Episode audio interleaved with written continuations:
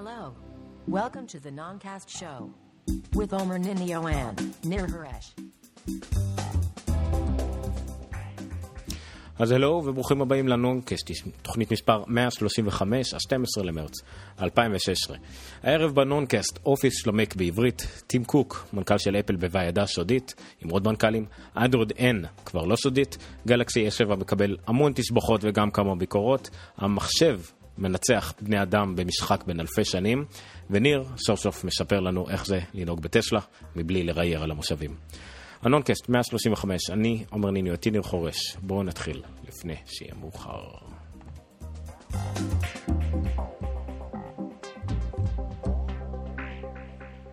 זה, זה לא אומר שלא ריירתי על המושבים בטסלה. יכלתי, בתוכנית הקודמת אמרנו שצריך לקצר את זה חצי משפט, פה אני צריך להוסיף. תזכורת לעצמי, איפשהו באמצע. כן. טוב, מזל שזה מוקלט. מזל. יופי, עכשיו אני לא צריך לזהות בין שני הפרקים. אני בא לערוך. אוקיי, אז ברוכים הבאים לנו קשט, כן, אנחנו שוב באווירה ביתית, אני שוב עם הכובע הטיפשי הזה לראש. אם אתם מאזינים לנו, לא, אני בכלל לא עם כובע טיפשי לראש, הרעמה שלי מאוד יפה היום. הבלורית, אה, הבלורית. בלורית, הבלורית, כן. בלורית יפה התואר. יפת התואר. אה, כן, אז היום יש לנו, כמו ששמעתם בפתיח, אה, כמה דברים די מעניינים. שבוע רגוע יחסית. אלא אם כן אתם גוגל, אפל, אמזון, מדינת ישראל, ביבי וכל אדם אחר בעצם. אז שבוע די רגוע, חוץ מכל המקרים האלה. אבל לפני שנתחיל, כמה עדכונים וכמה דברים אישיים, כמו שאנחנו רגילים לעשות כבר שבועיים. אז כן, סליחה. אז כן, אז אנחנו השבוע פחות או יותר השקנו באופן רשמי עמוד נונקאסט נפרד, בלעדי ואקסקלוסיבי לנונקאסט, כמו שאתם רואים. עד עכשיו היה עמוד לגיקסטר, נכון. והיינו מפרסם כל מה שקשור לנונקאסט שם, ועכשיו זה גם יהיה שם, אבל יש עמוד uh, ל... ל... לנונקאסט. נכון. Uh, בגיקסטר מן הסתם אנחנו לא רצינו להציף את זה בהמון דברים שלנו, היה שם הוראות על, uh, הודעות על פרקים, על נושאים חשובים, זה ימשיך להיות, גם עניינים טכנולוגיים גדולים יהיו שם, אבל דף הנונקאסט זה המקום שלנו ושלכם יחסית להתפרע. זאת אומרת, הנה פה יהיה לנו אירוע לכל פרק שאנחנו אה, נעלה, יהיה בעצם אירוע בפייסבוק, תוכלו לדעת מראש איזה שעה, איזה תאריך, לעשות, אה, להירשם לאבנט כדי לקבל התראות מיד כשאנחנו מתחילים וכולי וכולי וכולי.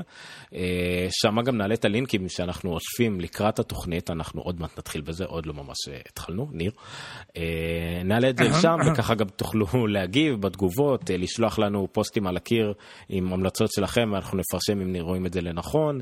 אה, אולי נתחיל גם עם... אה, מין עניין שבועי כזה של שילו אותנו כל דבר, איזה שעה בשבוע שבה אם אנחנו עונים לכל השאלות שלכם שהצטברו אה, וכדומה. כרגע מן הסתם הדף עדיין בחיתוליו, בחיתוליו אבל אנחנו אה, באמת מקווים שזה יהיה אתר, אה, עמוד שהוא קודם כל של הקהילה שאנחנו מנסים ליצור פה, לנונקאסט, לתוכנית טכנולוגיה עברית בעברית, אז זה מה שאנחנו מנסים לעשות. תודה רבה שאתם איתנו בזה, ותעשו לייק לנונקאסט. פשוט חפשו הנונקאסט או The Noncast, או שזה facebook.com/thenoncast. אנחנו שם. אז זה דבר אחד. דבר שני שגם קשור הוא מין חצי עדכון טכנולוגי, מי שמאזין לגרסת האודיו שלנו, אם זה דרך iTunes, דרך Acast או דרך כל נגן אחר, אנחנו עכשיו כל פרק יעלה כשהוא מחולק לפרקים. מי שראה, מי שהקשיב לפרק האחרון באפליקציה כמו Overcast, Pocket Casts, Instacast, בעצם כמעט כל אפליקציית פודקאסטים רצינית, שהיא לא התוכנה של אפל, שהיא לא פודקאסטים של אפל, יכל ש... לראות... כי זאת של אפל, היא פשוט לא רצינית. כן, כן. אז uh, לא רציתי עם החברה הזאת באופן כללי, אני מוריד אתכם קצת למטה, סליחה. Uh, אז תוכלו לראות שם ממש לדלג ישירות לנושא שמעניין אתכם, כל, כל כותרת פרק, כל ראש פרק כתוב שם הנושא שלו, וגם בחלק מהמקרים הכותרת היא גם לינק למאמר עליו דיברנו, המאמר הראשי עליו דיברנו בקשר לאותו נושא. מאוד נוח לקפוץ בין פרקים, אני מנסה לעשות את זה מדויק. אני חושב שזה חוויית האזנה, קפיצת מדרגה בחוויית האזנה. ככה אני אוהב גם כן בתוכניות שאני מקשיב להן שהן לא שלי, אז כשזה נוגע גם בתוכנית שלנו, אני עוד יותר מתרגש ואני חושב שזה מעולה. שנאמר כל כותרת היא דליגבל. שניתן לדלג. כן, היא גם קליקבל, וכן, אתה אמרת, אבל בסדר. זה יפה להוסיף אייבל לכל דבר, זה גם נהיה מין דבר כזה. אייבל, כן. להוסיפבל. כן, ועדכון אה, לגבי מה שהפתיחה האישית שהייתה לנו שבוע שעבר, דיברנו על זה שאתה קיבלת Xbox והסתבכת קצת עם אה, כל העניין הרישום, להיות אמריקאי, לא להיות אמריקאי, אז למחרת בראשון, גם אנחנו קיבלנו Xbox אצלנו בבית והגדרתי אותו, נתקלתי בבעיות דומות לשלך, אבל רובן נפתרו בצורה הרבה יותר קלה ממה שחשבתי. אה, אז למי שיש Xbox 1 ולא יודע את זה, אנחנו כנראה האחרונים שיודעים את זה. אתם יכולים לעשות חשבון ישראלי בכיף, אה, כולל הלא כל כרטיס אשראי ישראלי, תבחרו ריג'ן ישראל, הכל לגמרי בסדר. אה, אבל אם תרצו לרכוש משהו בדולרים, או לראות מה יש באמריקאי כדי להוריד הולו ואמזון, אפשר במכשיר פשוט לבחור ריג'ן ארה"ב, או באתר של xbox.com, שזה אתר מסריח לכל הדעות, אני ממליץ לא לגעת בו. אתם יכולים גם שם אה, לעשות את ה region לארה"ב ולרכוש כאילו אה, תוכנות ומשחקים, כאילו אתם אה, אמריקאים בדולרים. עדיף לא לנסות להיות אמריקאי, זה רק דפק אותי למשל, מהבחינה שהוא זיהה בכל זאת שה-IP שלי ישראלי ולא נתן לי לרכוש איזה משהו במנוי שלי, אז הייתי צריך להשתמש ב-IP אמריקאי, אני אמליץ בסוף על איך עשיתי את זה. ממין VPN אמריקאי, שמטוחה. פשוט תלכו על ישראלים, קל מאוד להחליף בין אזורים, הם לא מגבילים כלום ב Xbox One. אה, תעברו בין אמריקאי לישראלי, תקנו פה, תקנו שם, תעשו live על אמריקאי, לא, לא משנה. אז אה, זה נחמד. אבל מה בסופו של דבר כן עשיתי? שאני לא חושב שאתה השיטה כי אין לך איך לעשות את זה. חיברתי את הממיר של הסלקום TV ל Xbox. כי על ה Xbox יש input ו output, אז למעשה הסלקום TV הפך להיות כמו אפליקציה במכשיר. אני נכנס ל... יש מצב כזה של לוח שידורים, ואני רואה את, ה... את הטלוויזיה, אני יכול להחליף ערוצים כמובן עם השאלת של הסלקום, אין לי הרבה אפשרויות, אבל יש אפשרויות קטנות כאלה, כמו שאני יכול ישר לגשת לאפליקציות אה, טלוויזיה נפוצות, אם זה הולו ו-NBC ופוקס ו-HBO Go וכדומה, וללכת ישירות לשם, כאילו עדיין מאותו תפריט של טלוויזיה. אם היינו בארצות הברית כמובן, ואני שמתי לב לזה, אני שמתי את הלוח שידורים של קרובי משפחה שלי בחו"ל למשל, כאילו יש לי AT&T U-verse, ואז אני רואה את כל הלוח שידורים שלהם, ותאורטית יכלתי לקפוץ ויכלתי להקליט, ויכלתי לעשות כל מיני דברים שקשורים אפילו בלי, ה... בלי השלט של הממיר, אבל בארץ זה כמובן לא תקף. אה, אני כן קניתי ממיר USB לעידן פלוס, שאמור להגיע אליי, ואז אני אנסה לחבר עידן פלוס ישירות, ואז אני כן יוכל דרך השלט של ה Xbox גם להחליף ערוצים בתוך עידן פלוס. אין לוח שידורים בארץ, זה פדיחה של Xbox ישראל, אין לוח שידורים אה, EPG לעידן פלוס בארץ, אבל חוץ מזה זה עדיין אמור לעבוד. זה מגניב. פדיחה, זה פדיחה של Xbox ישראל? כן, EPG הוא דבר חופשי, EPG של עידן פלוס. בטלוויזיות אוקיי. של שמסונג יש את זה, בטלוויז... כל טלוויזיה עם, עם, אה, עם עידן פלוס יש את זה. אה, היא תומכת בלהציג את זה כאילו. כן, את הלוח שידורים. להציג את זה וגם לקבל את זה, כי לפעמים אתה... אתה יכול להציג את זה, אבל לא בחרת, כאילו זה עניין שזה חופשי, זה חינמי, בניגוד להוט ויש את זה שלהם והן לא מוכנות לפרסם את זה, שלעידן פלוס זה חינמי על פי חוק, כאילו זה חופשי, זה חלק מה, מהתדר. אז אם הם בחרו לא לעשות את זה, זה בעיה של, של אקסבוקס ישראל. אמ, וזה מעצבן, אבל זה בסדר, יש על מה לדבר על זה. מצד שני, בגלל שיש לי את הקרובים בחו"ל, אני...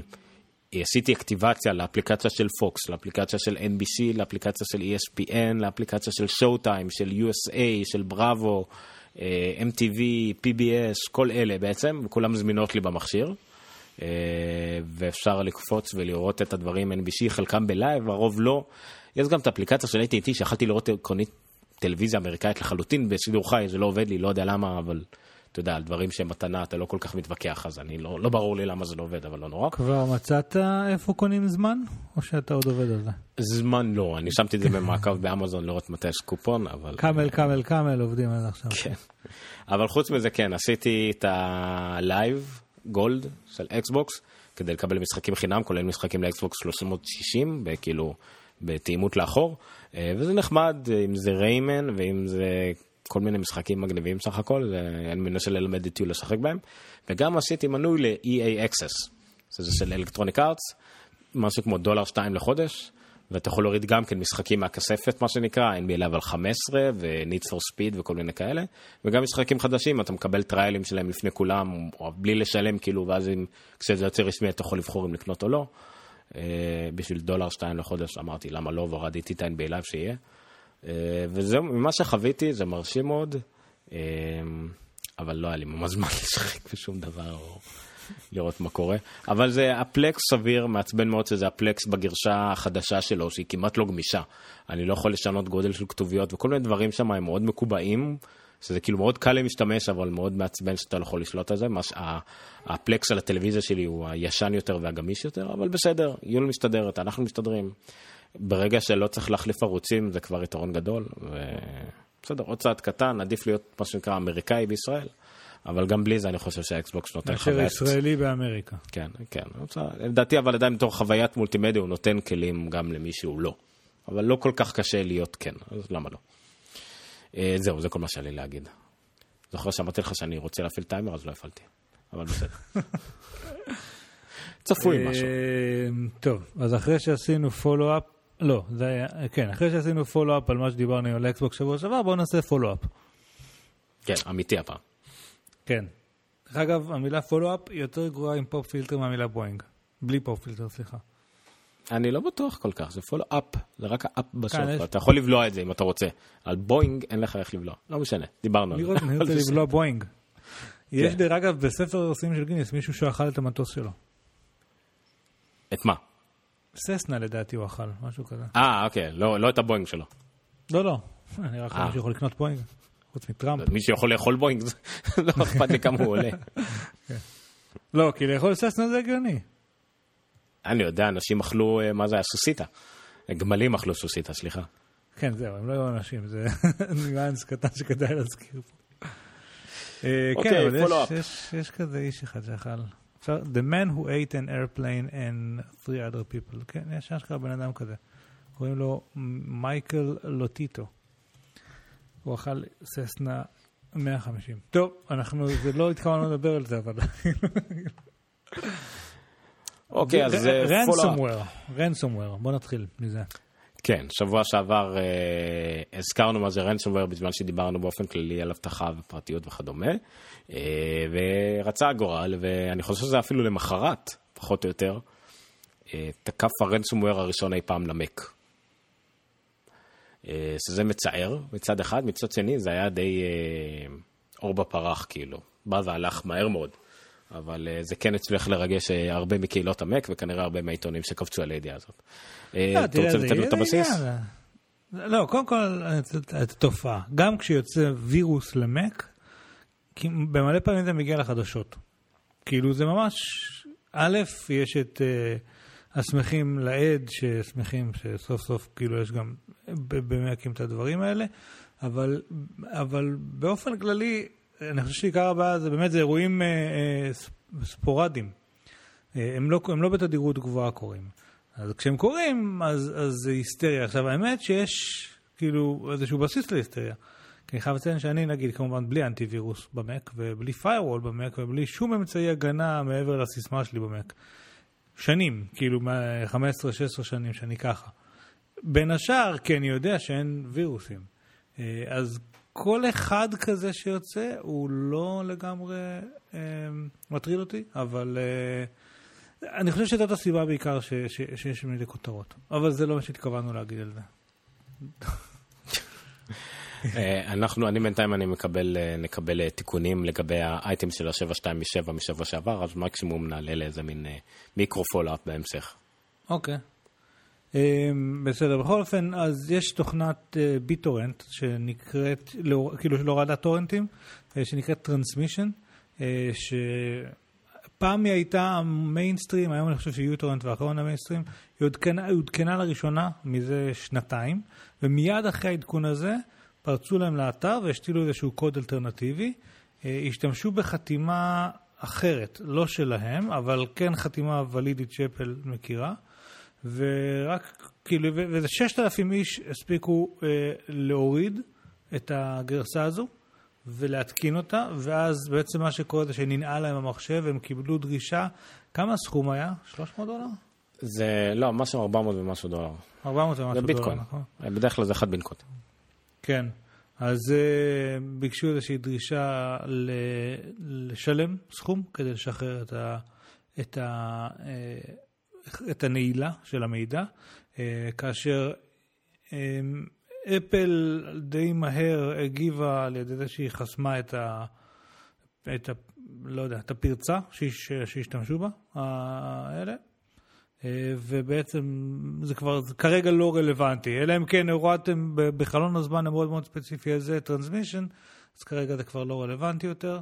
אה, אבל שוב, היה, היה אירוע, 6,000 איש, נינה להם המחשב, והיו צריכים לשלם אה, כדי לשחרר את המידע שיש אליו. אה, כתבת איך להתגונן, טוב, איך להתגונן? או שלא, רגע. צריך להשתיק. אה, כן. כן. ההגנה במקרה הזה היא יותר קשורה ל... אי אפשר ממש להתגונן מזה חוץ מהיגיון בריא, כאילו אפשר בטח להתגונן, אבל לא משהו שיהיה עיקרי תמיד באבטחה. איך אתה אומר את זה? זה בין אה, נוחות מקסימלית להבטחה מקסימלית, צריך להיפגש איפשהו באמצע. כן. אמ, אז אני תמיד נוטה לכיוון הנוחות, אבל עושים את זה יחד עם עניין של היגיון בריא. אז מה זה אומר? אמ, במקרה הזה כמעט ואי אפשר היה להתגונן. זאת אומרת, הדבר הזה הוא גם מהאתר הרשמי של טרנסמישן, גם תוכנה שחתומה רשמית, אה, זאת אומרת שהייתה עוברת את ה Gatekeeper, ולא היה לך כמעט איך לדעת את זה, רק אם היה לך אנטי וירוס מאוד ספציפי שידע לטפל בה, ונדיר מאוד שבכלל יש אנטי וירוס שיודע לטפל בה מיידית, ביום הראשון מה שנקרא. לכן ההגנה הכי טובה מבחינת זה הייתה כנראה פשוט מדיניות גיבויים. התקפה. כן, אה, התקפה ומשהו כזה, מניע, מין, אה, גיבויים, מדיניות גיבויים מאוד מאוד ספציפית. מה זה אומר למשל, Time Machine, אה, לאו דווקא היה עוזר. כי אם נגיד זה רץ, היה, היה רץ אצלך במחשב יום, יומיים, זה היה כבר מחלחל לגיבויים האחרונים והאחרונים, ויכול להיות שהיה, אה, יש גם, יש גם רנסומווירים שיודעים בכלל, ברגע שהם הולכים לכונן אחר ויודעים שהם כאילו בגיבוי, הם גם יפיצו את עצמם גם שם. אז זה גם לא תמיד יעיל. לכן בעצם הדרך הכי טובה זה לעשות למשל גיבוי ענן שהוא עם אה, רב גרסאות, אם זה דרובוקס וכדומה, או המקצועיים יותר. וכמובן הפתרון הכי טוב זה שכפול של המחשב פעם בשבוע, גיבויים שאתה שם, מה שנקרא במקום מרוחק, לא מחוברים תמיד למחשב, אתה יכול להחליף ביניהם. זאת אומרת, תמיד שאם גילית, בדרך כלל במקרה הזה למשל, הרנסומור מתגלה אחרי יומיים שלוש. וככה זה גם הרבה מאוד מהווירוסים וה, והמולוורים וכדומה. לכן תמיד תשמור איזשהו גיבוי שבוע אחורה שלא נגעת בו. נניח ניקח תחום של שבוע, בהנחה שבשבוע לא הרבה משתנה לך במחשב ולא תאבד המון, אז פשוט תמיד שיהיה לך מחשב מלפני שבוע, תמיד בגיבוי שלא נגעת בו בשבוע האחרון. כי בשבוע הזה התגלה משהו, יש לך את הבקאפ מלפני שזה התגלה, לפני שהיית נגוע. אמ, זה לפחות הגישה שלי, נראה לי הדרך היחידה באמת להתגונן מהדברים האלה. אמ, עוד משהו שרשמתי לגבי זה, לגבי ספציפית המקרה הזה של הרנסומוור הזה, נבטל את השיתוף מסך. כמו שאמרת, זה, זה, זה עבר כל כך הרבה ביקורות, כל כך הרבה זה, אבל ברגע שזה התגלה, דווקא בגלל שזה כל כך נדיר, ואפל יודעת לטפל בדברים האלה, ואפילו אם היא לא מגיבה להם באופן רשמי, היא יודעת בדיוק מה קורה, אה, פחות או יותר באופן מיידי אושר החתימה מן הסתם, אז מיד אם הייתם מנסים, אם אתם במחשב שהוא מוגן יחסית, זאת אומרת מופעל לגייט קיפר, לא הייתם יכולים להפעיל יותר את התוכנה הזאת, או להתקין אותה. וגם היא, אפל הסירה את האפשרות של ההפעלה בינארית, של, הבין, של הקוד הבינארי בכלל, של התוכנה הזאת. ברגע שידעת אותו, הפיצה למערכת הפעלה, בשום פנים ואופן אתם לא מריצים את הקוד הזה. לכן כל מי שעוד לא הריץ את זה, לא יצליח גם להריץ את זה. השורה התחתונה היא שמהבדיקה שעשו, מבין כל המחשבים הפוטנציאליים שיכלו להיפגע, מבין הכל, רק 6,200 מחשבים אה, ננגעו בווירוס הזה, ברנסום הזה, לא ברור איזה מהם נפגעו. אז יש כמה שננגעו, לא בטוח שהם נפגעו מזה בכלל, וגם אם כן זה מעט יחסית. אה, בדרך כלל, אגב, מה שמקובל ברנסומווירים זה שמשלמים את הכופר. אה, כמעט ברוב המקרים אין שום דרך לעשות את זה.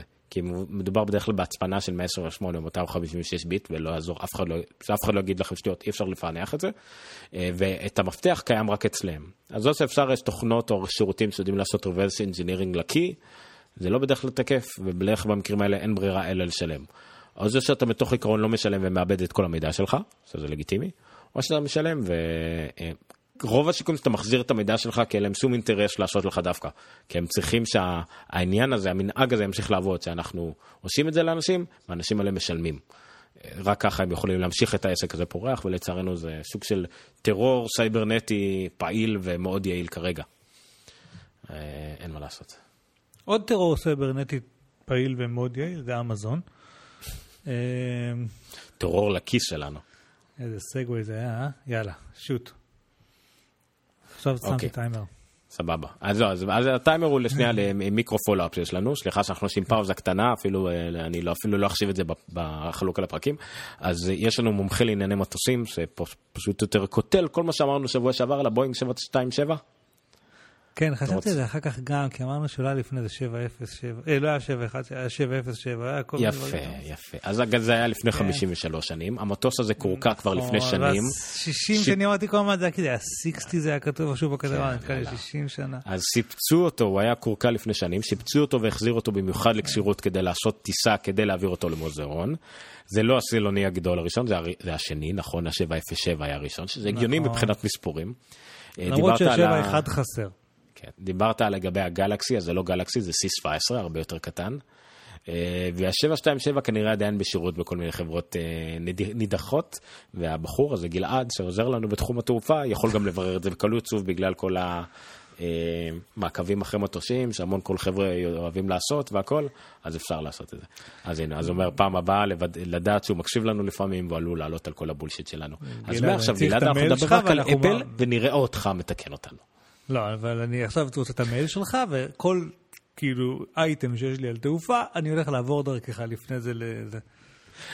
אבל כן, תודה, האמת שתודה על התיקונים, כי אה, כאילו, כן, כשאני הקשבתי לכתבה ירדו לי כל מיני סימונים בעצמי, את ה-C17 דרך אגב לא עליתי עליו, אבל עכשיו שאתה אומר אז נכון. אה, וטוב, זהו. פעם הבאה נתכונן. באותו מייל, אם יש לך שאלות גם על אה, טיפוס אתגרי על קירות, אתה יכול גם לשאול. אני מטפס בקיר בכפר סבא, אבל עוד לא הגעתי לשלב שכאילו אפשר להתייחס אליו. כאתגרי, אני עדיין בשלב שאני פשוט מעפן. הבנתי. אז יש לך פה עסק עם מקצוען, אם אה, תרצה. אוקיי, לאייטם הבא. אמזון. אמזון. אוקיי, ממש אה, דיברנו שבוע שעבר על זה שאמזון בצורה מאוד מפתיעה מיד אחרי שהיא גיבתה את אפל מול ה-FBI וכל הדברים שקשורים להצפנה, היא הסירה את כל ההצפנה ממכשירי הפייר שלה, מהעדכון האחרון של הפייר. אז מתברר שהם אה, חזרו בהם, אני איפה, אין לנו אפילו, לא שמתי את הידיעה הזאת, הם, אה, זה קצר מאוד. הם חזרו בהם, פחות או יותר, לדעתי הם בכל מקרה, זה מה שהיה אמור לקרות, רק עכשיו הם הוציאו את זה בידיעה. הגרשה הבאה של הפייר תחזיר חזרה את ההצפנה. יש לי הרגשה שזה בעיקר, בעיקר היה ענייני ביצועים שהכריחו אותם לעשות את זה, ובגרשה הבאה הם יתקנו את כל הבעיות ביצועים האלה, וזהו. זה כל מה שהיה לי להגיד. מסקר די אה, זה האפליקציה שהמלצנו עליה בפרק הקודם, שמחליפה, עושה מין סרטונים כאלה ששמים איזושהי מסכה של אגמנטד ריאליטי כזאת על הפנים, ועושים איתם סרטונים נחמדים. הפכה לוויראלית בטירוף, ולמעשה כל כך ויראלית היא נהייתה שפייסבוק קנו אותם. אה, ממש גם יומיים שלושה אני חושב אחרי שדיברנו על זה. אה, ואפילו מרק זקרברג בכבודו ובעצמו, אני לא יודע אם יש את זה בכתבה פה, הנה. אבל אה, מה? מה, כן, למטה שם. אה, מרק זקרברג אה, בכבודו הקל- אה, כאילו הקליט את הסרטון הזה בעזרת האפליקציה אה, שבה בו הוא מספר על הרכישה לעולם, אה, וזה מגניב. אתם גם שיחקתם את זה השבוע, אמרת לי, לא? כן. ו... זהו, הנה, פשוט ככה הוא הודיע, זה לפי מה שאנשים רואים ברקע, זה, זה את, נכון. אה, ולא שומעים, זה את, אה, ככה צוקרברג אה, הודיע שהם רכשו את מה שקרה על ידי סרטון שהוא איירון מן. לפני, לפני כמה זמן עזבתי את העבודה הקודמת שלי, ואז החבר'ה מקייב, היה לי שם צוות פיתוח אנדרואיד, אה, שלחו לי סרטוני פרידה כאלה, כולם, כל אחד הצטלם עם האפליקציה הזאת בנפרד, ובאמת זה היה מגניב, אחד היה שימפנזה ואחד היה זה, כל אחד ככה נפרד ממני אה, אה, בדרכו, ואז יום לפני שאנחנו דיברנו, יומיים, אני הקלטתי את עצמי עם, עם אה, איירון מן, וכאילו להגיד להם כזה תודה. ואז ראיתי שזקרברג העתיק אותי. ילד, ילד המעתיקן הזה. אה, זה ידוע, זה ידוע. שיעשה משהו מקורי פעם בחיים שלו. או, שום כן. דבר. נקסט, וואו, זה כזה. אוקיי, אה, ונושא הפולו-אפ השבועי שלנו, אנחנו עושים מעקב שבועי על אה, אפל נגד ה-FBI. אז אה, שלא במפתיע, פוטוס, הלו נשיא הברית ברק אובמה, גם מתראיין לא בדיוק בנושא, כי הוא לא יכול לדבר ישירות על הנושא הזה, כי הוא זה שלמעשה תובע את, את אפל. הנשיא הוא זה שאחראי, כאילו, הממשל הוא זה שאחראי על... שכחתי איך קוראים לגוף שהוא תכלס עושה את כל הפעולה הזאת, אבל לא משנה, הוא האחראי. אה, אז כן, אז א' כל זה יפה, מי שרואה אותנו ככה, The Next Web מראים כאילו ידיעות עם גיף, עם זה, זה דווקא מאוד אה, יפה להראות את זה ככה, שזה לא סרטון וזה לא תמונה, כן. זה גיף של אנשים בזמן שעם מה שהוא אומר, לא משנה. אז כן, אז אה, מה שהנשיא ארה"ב אה, ברק אובמה פחות או יותר אמר, שהוא... הציפייה של אפל או של חברות טכנולוגיה לנעול לחלוטין את כל המכשירים ושלאף גוף שיטור לא יהיה גישה לשם כדי להשיג ראיות או משהו, זה דבר שאין לו אחיזה במציאות, זה דבר שנוגד את איך שהם הפעילו את כל העניין הזה, את כל עניין ה... אמ, רשויות החוק ורשויות האכיפה ב-200-300 שנים האחרונות. אה, כמובן שהכל צריך להיות במסגרת החוק ובמסגרת הדברים, נותן כמה דמויות לא לגיטימיות, לדעתנו, לדעת רבים, הוא עומד בצד הלא נכון של הדיון הזה, אבל יכול להיות גם שאין לו ברירה, כי זה הממשל שלו. אה, אבל השורה התחתונה היא מה שהוא אומר, שזה קצת אה, בסדר, זה צריכים להגיע לפתרון כלשהו, בו יהיה מקסימום עזרה לרשויות החוק עם מינימום פגיעה לאחרים. זאת אומרת, הוא מודע לזה שהדבר הזה יכול לדלוף לאחרים, והוא אמר שאין מה לעשות, זה תמיד יקרה בכל דבר, אבל חייבים לתת את הגישה הזאת למשל למכשיר סלולרי, אבל עם מינימום אפשרות או מינימום אה, זליגה החוצה, זאת אומרת, זה יכול לזלוג, אבל שלפחות נדע לעקוב אחרי זה למשל, נדע איפה זה וכולי וכולי וכולי. אז זה מה שהיה לפוטוס להגיד בנושא, אה, ועד כאן פחות או יותר ענייני הפולו-אפ לשבוע זה. עכשיו אנחנו נעבור לחדשות חדשות, כאילו לא חדשות של שבוע שעבר.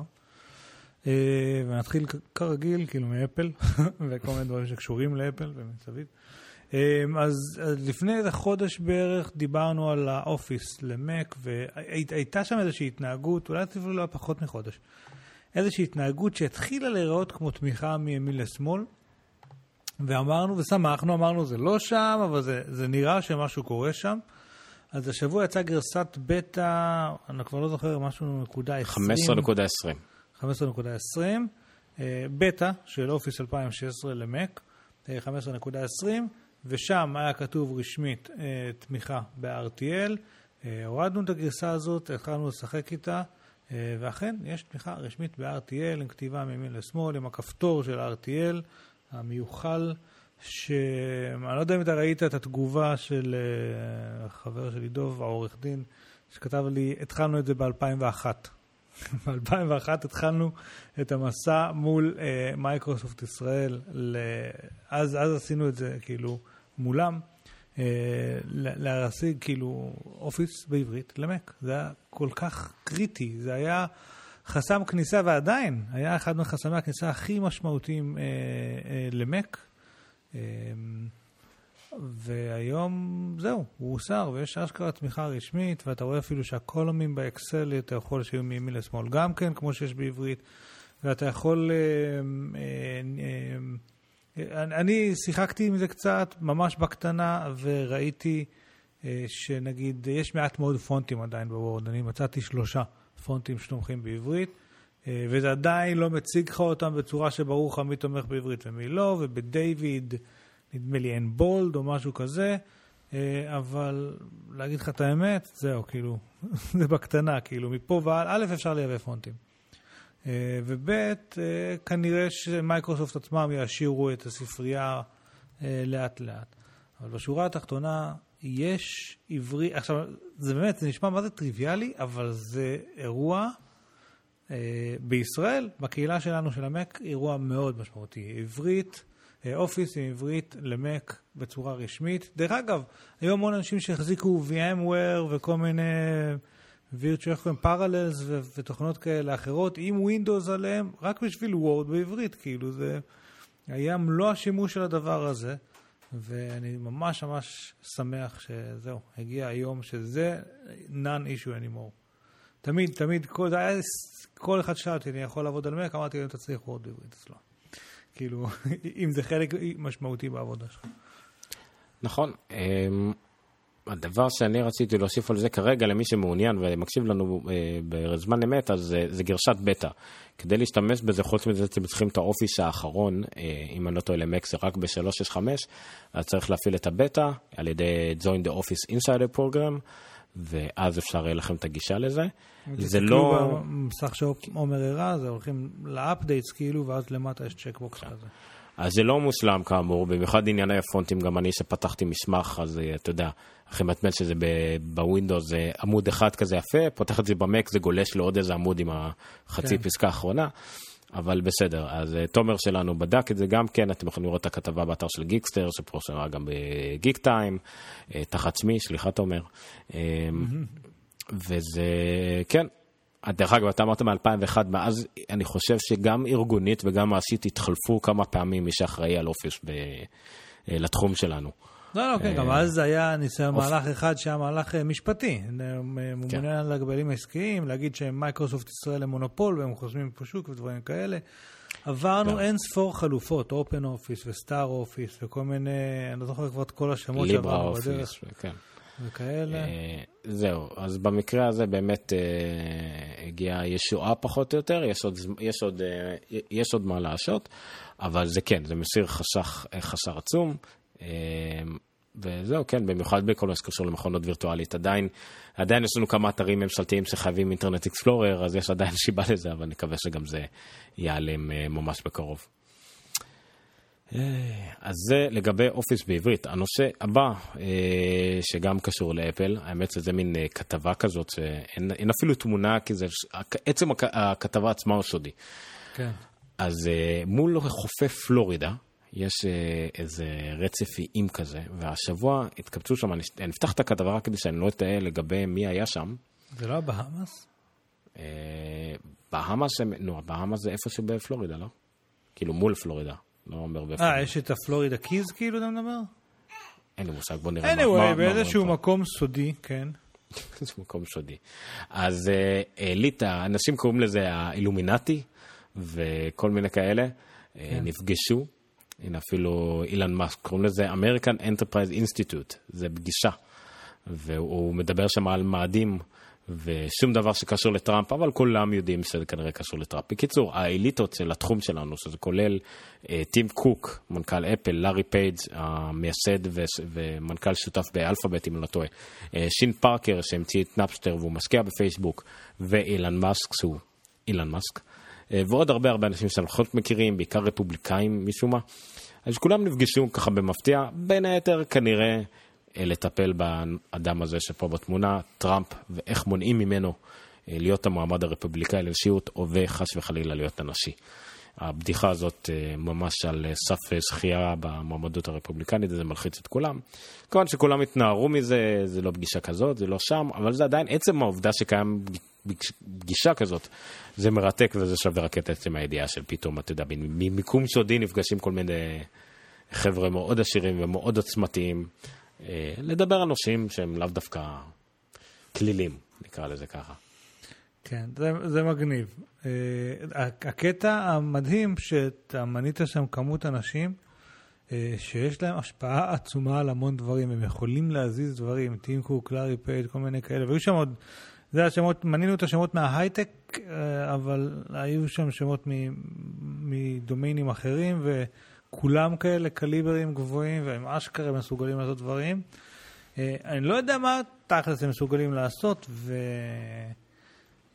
וזה מצחיק אגב, שהם אשכרה כל כך לחוצים מדונלד טראמפ שהם אה, עושים פגישה כזאת, אבל... זה, זה, שוב, זה כנראה היה... זה- סיטואציה, סליחה. סיטואציה של סרטים, פשוט רואים אותה בסרטים, דברים כאלה. כל כן, זה, כנ... זה כנראה ועדה שהייתה צריכה להיות בכל מקרה, אבל היא פתאום נהייתה כל כך חשאית, שכנראה הם מדברים שם על דברים שלאו דווקא קשורים לעניינים שלה. אוקיי, ידיעה הבאה, שזה שוק של אה, חצי המלצה, חצי ידיעה. אה, זה, המלצה על הידיעה, בעיקר. כן, זהו. שהיא אה, ממליצה על ה Apple Pencil. כן, זהו. אז iMore הם אה, אתר פשוט שעולה ועולה ועולה בכל מה שקשור לעולם המק. ממש, הם נהיים מאוד דומיננטיים עם הכתבים הכי טובים. אז יש להם כתבת אחת סרניטי קולדוול, של לשעבר מ Macworld, שהיא רבת מעשים, היא גם ב roller derby, כזה שזה מין אה, אה, סקייטים עם מכות לנשים. אני חושב שזו הדרך הכי נכונה לתאר את זה. אה, והיא גם הייתה מאיירת וגם היא סוקרת, אז פה היא עושה סקירה וסליחה למאזיננו, אנחנו אה, מפצירים בכם. אה, אם אתם מקשיבים לזה ב Overcast נגיד, אז ללחוץ על הלינק שיהיה תחת שם, שם החלק הזה בפרק, חלק מאוד ויזואלי, כן, חלק כן, מאוד חלק ויזואלי. מאוד... הייתה סקירה, עשתה סקירה על ה Pencil, ה Apple Pencil, אחרי כמה חודשי שימוש רצופים איתו, באמצעות ה Apple Pencil. הכל מצויר ב Apple Pencil, והיא מדגימה שמה איך היא כותבת דק וכותבת גדול וכותבת עבה ומצלילה, וזה גם סקירה באמת, זאת אומרת, קודם כל על האיכות, על האיכות בנייה של ה Pencil, ואחרי זה לגבי העניין הזה של ה Lightning ושהוא בולט מהאייפד וזה מצחיק ושאין מחק. אה, לגבי כתיבה בפועל, שהיא בחיים לא ידעה לכתוב כמו שצריך. אה, אבל עדיין זה מאוד כיף לכתוב את זה ומאוד מציאותי, איך מחזיקים את זה. הכל מאויר גם מאוד יפה, אה, לא ציור אומנותי, אבל בהחלט איור ומה שנקרא קריקטורות מקסימות. באמת שווה, זה כאילו סקירה עם מעט מאוד מילים, הרבה ציורים, וזה כל מה שאתם צריכים לדעת על הפנסל. פשוט מדהים, היא עשתה את זה ספציפית על אפליקציה בשם פייפר ב-53, אני אנסה לשים גם את הלינק אליה, וזה פשוט סקירה מרשימה, וזה תכלס כל מה שהיה לנו להגיד על זה, וזה שווה כל מילה שאמרנו. בעיקר אנחנו אומרים לכו תסתכלו על זה. כאילו זה. זה אסתטי מאוד. אה, השבוע, אחרי שציפינו וחיכינו להכרזה של אפל, תמיד יש אירוע, כאילו בדרך כלל יש אירוע במרץ כזה, אה, וכבר הרבה מאוד זמן שאנחנו, השמועות מדברות, בהתחלה דיברו על ה-15 למרץ, אחר כך על ה-21 למרץ, אה, בהתחלה דיברו על שיהיה את האייפון 4 אינץ' כלשהו, ואחר כך גם, זה מהר מאוד הגיעה התוספת של אה, אייפד Air 3, שיהיה כנראה איזשהו פורמט של אייפד פרו מוקטן, כאילו עם תמיכה בפנסל ודברים כאלה, וסטריאו אולי, לא יודע. אה, אז כאילו הרבה זמן היו שמועות האלה, והשבוע באמת יצאה הזמנה רשמית של אפל, אה, ש... אה, שמת אותה? כן, let us loop you in. בואו נכניס אותך ללופ כזה, זה איזשהו ביטוי, לא יודע מי משתמשים בזה. לא בדיוק משתמשים בזה בעניין של הלופ, מצד שני לופ זה הכתובת של אפל, ואולי איזה עניין של מלנז לופ נגיד, על שעונים. כן, כולם מנסים לנתח, אבל אין כבר מה לנתח כי 9 to 5, בגלל זה שמתי אותם פה, פחות, או יותר גילו כבר את כל מה שיהיה. אבל, שמה הם אה, אומרים? שורה תחתונה, אייפון, אייפד, אייפ- אייפון SE, אמ, אייפד 9.7 שהפוך להיות אה, אייפד פרו בעצם, עם גם כל העניין של הרמקולים, אולי תמיכה בעיפרון והכל. אמ, האייפון SE דרך אגב הוא יהיה אייפון 4 אינץ' אבל עם כל הכוחות כמעט של אייפון 6 או 6-6 אפילו.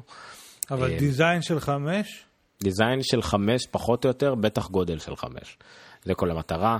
גם אפשר, לא רציתי לא, שניכנס לפה זה היה מעניין לדיון. אם זה היה גודל של שש עם, אה, סליחה, דיזיין של שש עם גודל של חמש, זה מגניב. אה, כרגע אומרים שזה קייס שיותר דומה למה שהיה בחמש, רק עם השכלולים שצריך כדי להכיל את הכל. אה, בטח הכל התמזער, אז סוללה יותר גדולה, אה, קשה לדעת בדיוק. אפשר לעשות דיון שלם על מה אפל רוצה אייפון 4 אינץ, לא שורה תחתונה, מספיק שיהיו 20 מיליון איש שזה כל מה שהם רוצים, וזה מספיק כדי למכור את זה. זה שוב פעם יקפיץ להם את המספרים באיזושהי קפיצה שעוד שנה הם לא יוכלו לעמוד בה, ואז המניה שלהם תיפול. כן, כן, יש חוקים מסוימים בעולם שאי אפשר כן. לשבור אותם. אה, אייפד פרו, אמרנו גם כן יותר דומה בפיצ'רים ובעיצוב שלו לאייפד פרו 12.9 אינץ', לכן זה כבר לא יהיה Air אלא יהיה אייפד פרו, האייפד הקטן. אה, כן, יש כבר ייצוא סכמות שלו ועם כל העיצוב של הארבע רמקולים והכל. לגבי Apple Watch אין מה לצפות ליותר מדי, גרסה חדשה ל Apple Watch תצא כנראה רק בסתיו.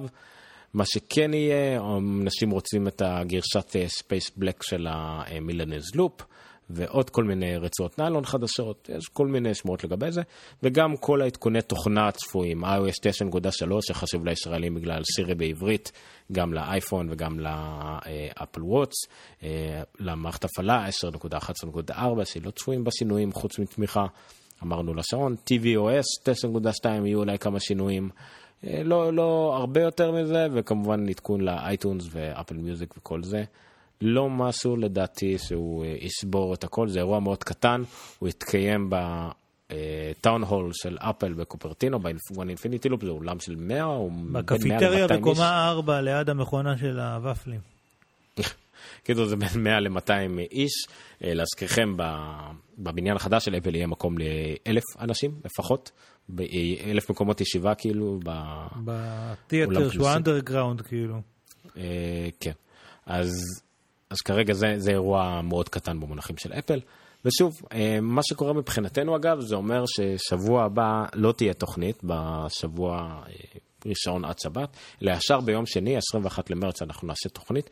אני עדיין לא יודע אם היא תתחיל משבע, שבע וחצי או שמונה, האירוע יתחיל בשמונה שעון ישראל.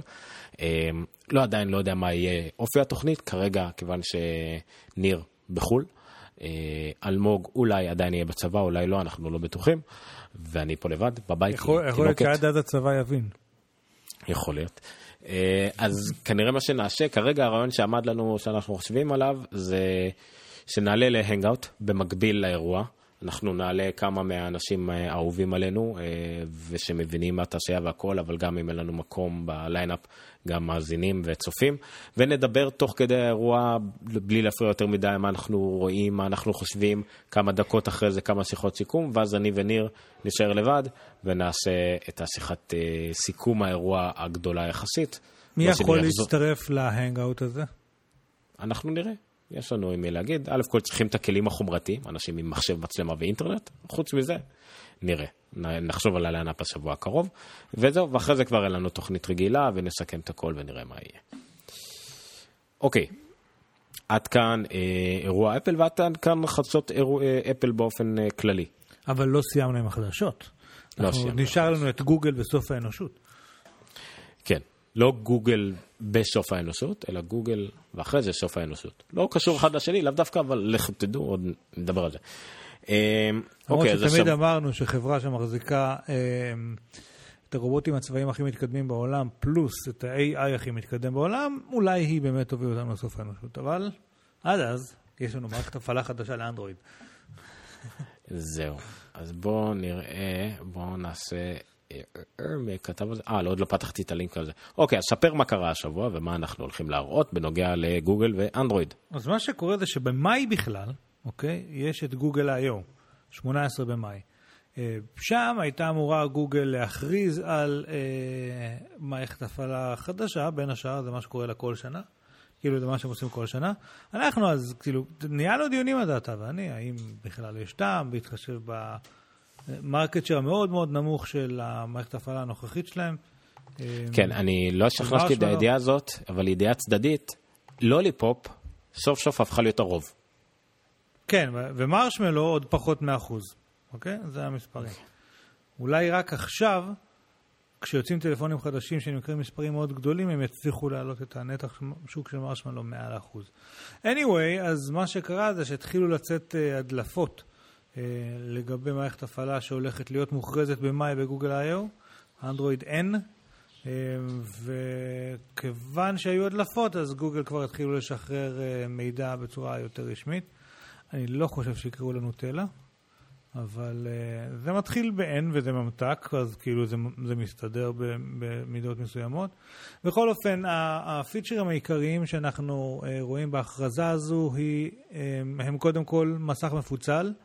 אה, זה משהו שכבר היה קיים במכשירים של סמסונג, ולדעתי לא רק של סמסונג, אלא של עוד יצרניות אה, אנדרואיד, אבל הפעם זה מסך מפוצל שמגיע מגוגל עצמם, כחלק ממערכת הפעלה, אה, ובין השאר, כחלק מזה יגיע גם תמונה בתוך תמונה, ואיזשהו מעבר מהיר בין יישומים. אה, המימוש של המסך מפוצל הוא מעט שונה מאיך שעשו את זה סמסונג, וכדי לתמוך בזה, האפליקציה עצמה צריך, צריך לממש אותה אה, בהתאמה. זאת אומרת, מי שמפתח את האפליקציות צריך לתת איזשהו סט חוקים של איך היא מתנהגת במקרה של פיצול מסך, כי בעצם פתאום היא עובדת על נדלן כאילו אה, קטן יותר. התמונה בתוך תמונה זה מה שראינו באייפד פרו, נכון? יש את זה? או... ש, שאפשר להקטין, אה, וראינו את זה בטלוויזיות של לפני 30 שנה בערך, שאפשר להראות וידאו קטן. כן. כל האייפדים האחרונים דרך אגב. אה, כן? גם הגדולים? גם באייפד מיני. גם הקטנים, סליחה, וואלה. אייפד מיני 2 ומעלה, אייפד... אה, נכון, היה צריך M8 או משהו, לא? כן, לא, לא, S7. A8, A8, S7. A7. whatever. anyway, אז... Uh, אז הוסיפו גם uh, תמונה בתוך תמונה, רק שפה זה לא רק לטאבלטים כמו אצל אפל, אלא גם לטלפונים. Uh, וזה make sense האמת, כשיש טלפונים עם מסכים כל כך גדולים היום. Uh, הוסיפו מעבר מהיר בין יישומים, כמו שאנחנו רואים, מי שרואה בסרטון עכשיו, אה, לחיצה כפולה על האפליקציה האחרונה. וזה עובר, לאפל... כאילו, על אה, לחזור אחורה, מעביר אותך לאפליקציה קודמת, ואפשר לעבור בין כרטיסיות. פה אנחנו רואים, מי שרואה, הדגמה למסך מפוצל ואיך אה, אפשר לעבור בין דברים במסך מפוצל. זה אמור להיות אה, יותר יעיל ממה שהיה של סמסונג, וגם, כמו שציינת, הם מכניסים את זה כחלק מתאימות במערכת הפעלה, וכל מפתח אפליקציות יוכל לציין, כאילו, מה... לאיזה גודל הוא, כן, אם הוא כן מתאים למפוצל או לא וכדומה. אה, עוד משהו שנחשף הוא איזושהי ערכת נושא כהה, שלמעשה כבר הופיע ב, ב, בגרסאות מוקדמות של מרשמלו וכאלה, אז הפעם, שוב פעם רואים אותה. צריך לזכור, דרך אגב, שמה שאנחנו רואים עכשיו היא, היא גרסת פריוויו למפתחים כזאת. ויכול להיות שהמצ... ש... ש... שיהיה איזשהו פער בין, גם שיוכרזו עוד דברים עד שהיא תצא לגמרי, אבל גם שאולי יוסרו חלק מהדברים. אז נגיד, הערכת נושא הקאה הייתה חלק ממרשמלו והיא הוסרה, ועכשיו היא חוזרת, והיא מביאה את, איתה גם את המצב לילה, אמ, כמו שאפל עשו לא מזמן, שמכניס איזשהו פילטר שמנקה את הכחולים, משאיר יותר אדומים, כדי לעזור לנו לישון טוב יותר. כן. אנחנו מסתכלים מ- בטלפון לפני השינה. ממה שאנשים ראו, אה, ודיסקלמר קטן, בעיקר כשאני מדבר על אנשים, מדבר על אנשים שחובבי אפל, כל העניין של מצב לילה פה, אה, במיוחד מה שנגיד אפליקציות עשו עד היום, הוא הרבה פחות ממה שאפל מאפשרת נגיד בדארק מוד באפליקציות, זה חלק מה-IPA שלהם, אלא זה כמעט אה, היפוך. אם אתה מכיר את זה גם באייפון, אתה יכול לעשות... אינברס, כן. כן, ממש אינברס כזה, כמו רנטגן כזה, וזה לא באמת בדיוק דארק מוד וכאלה. נקווה אבל שככל שיותר מפתחים יאמצו את זה, אני משער שגוגל הכניס את זה ל-IPA שלה יותר טוב ממה שעד היום. אה, יש גם אה, שדרוגים למשך ההתראות, אה, גם מובנה בגוגל, בנייטיב, מופיע מין קוויק מניו כזה מלמעלה, לשנות הגדרות כמו אם זה וי-פיי, לא וי-פיי, בלוטות, לא בלוטות וכדומה, מה שרוב המה, רוב יצרני המכשירים עשו משלהם, אז עכשיו זה מובנה באנדרואיד הנייטיב, הוונילה מה שנקרא. אמ, אמ, פרפורמנס, המון.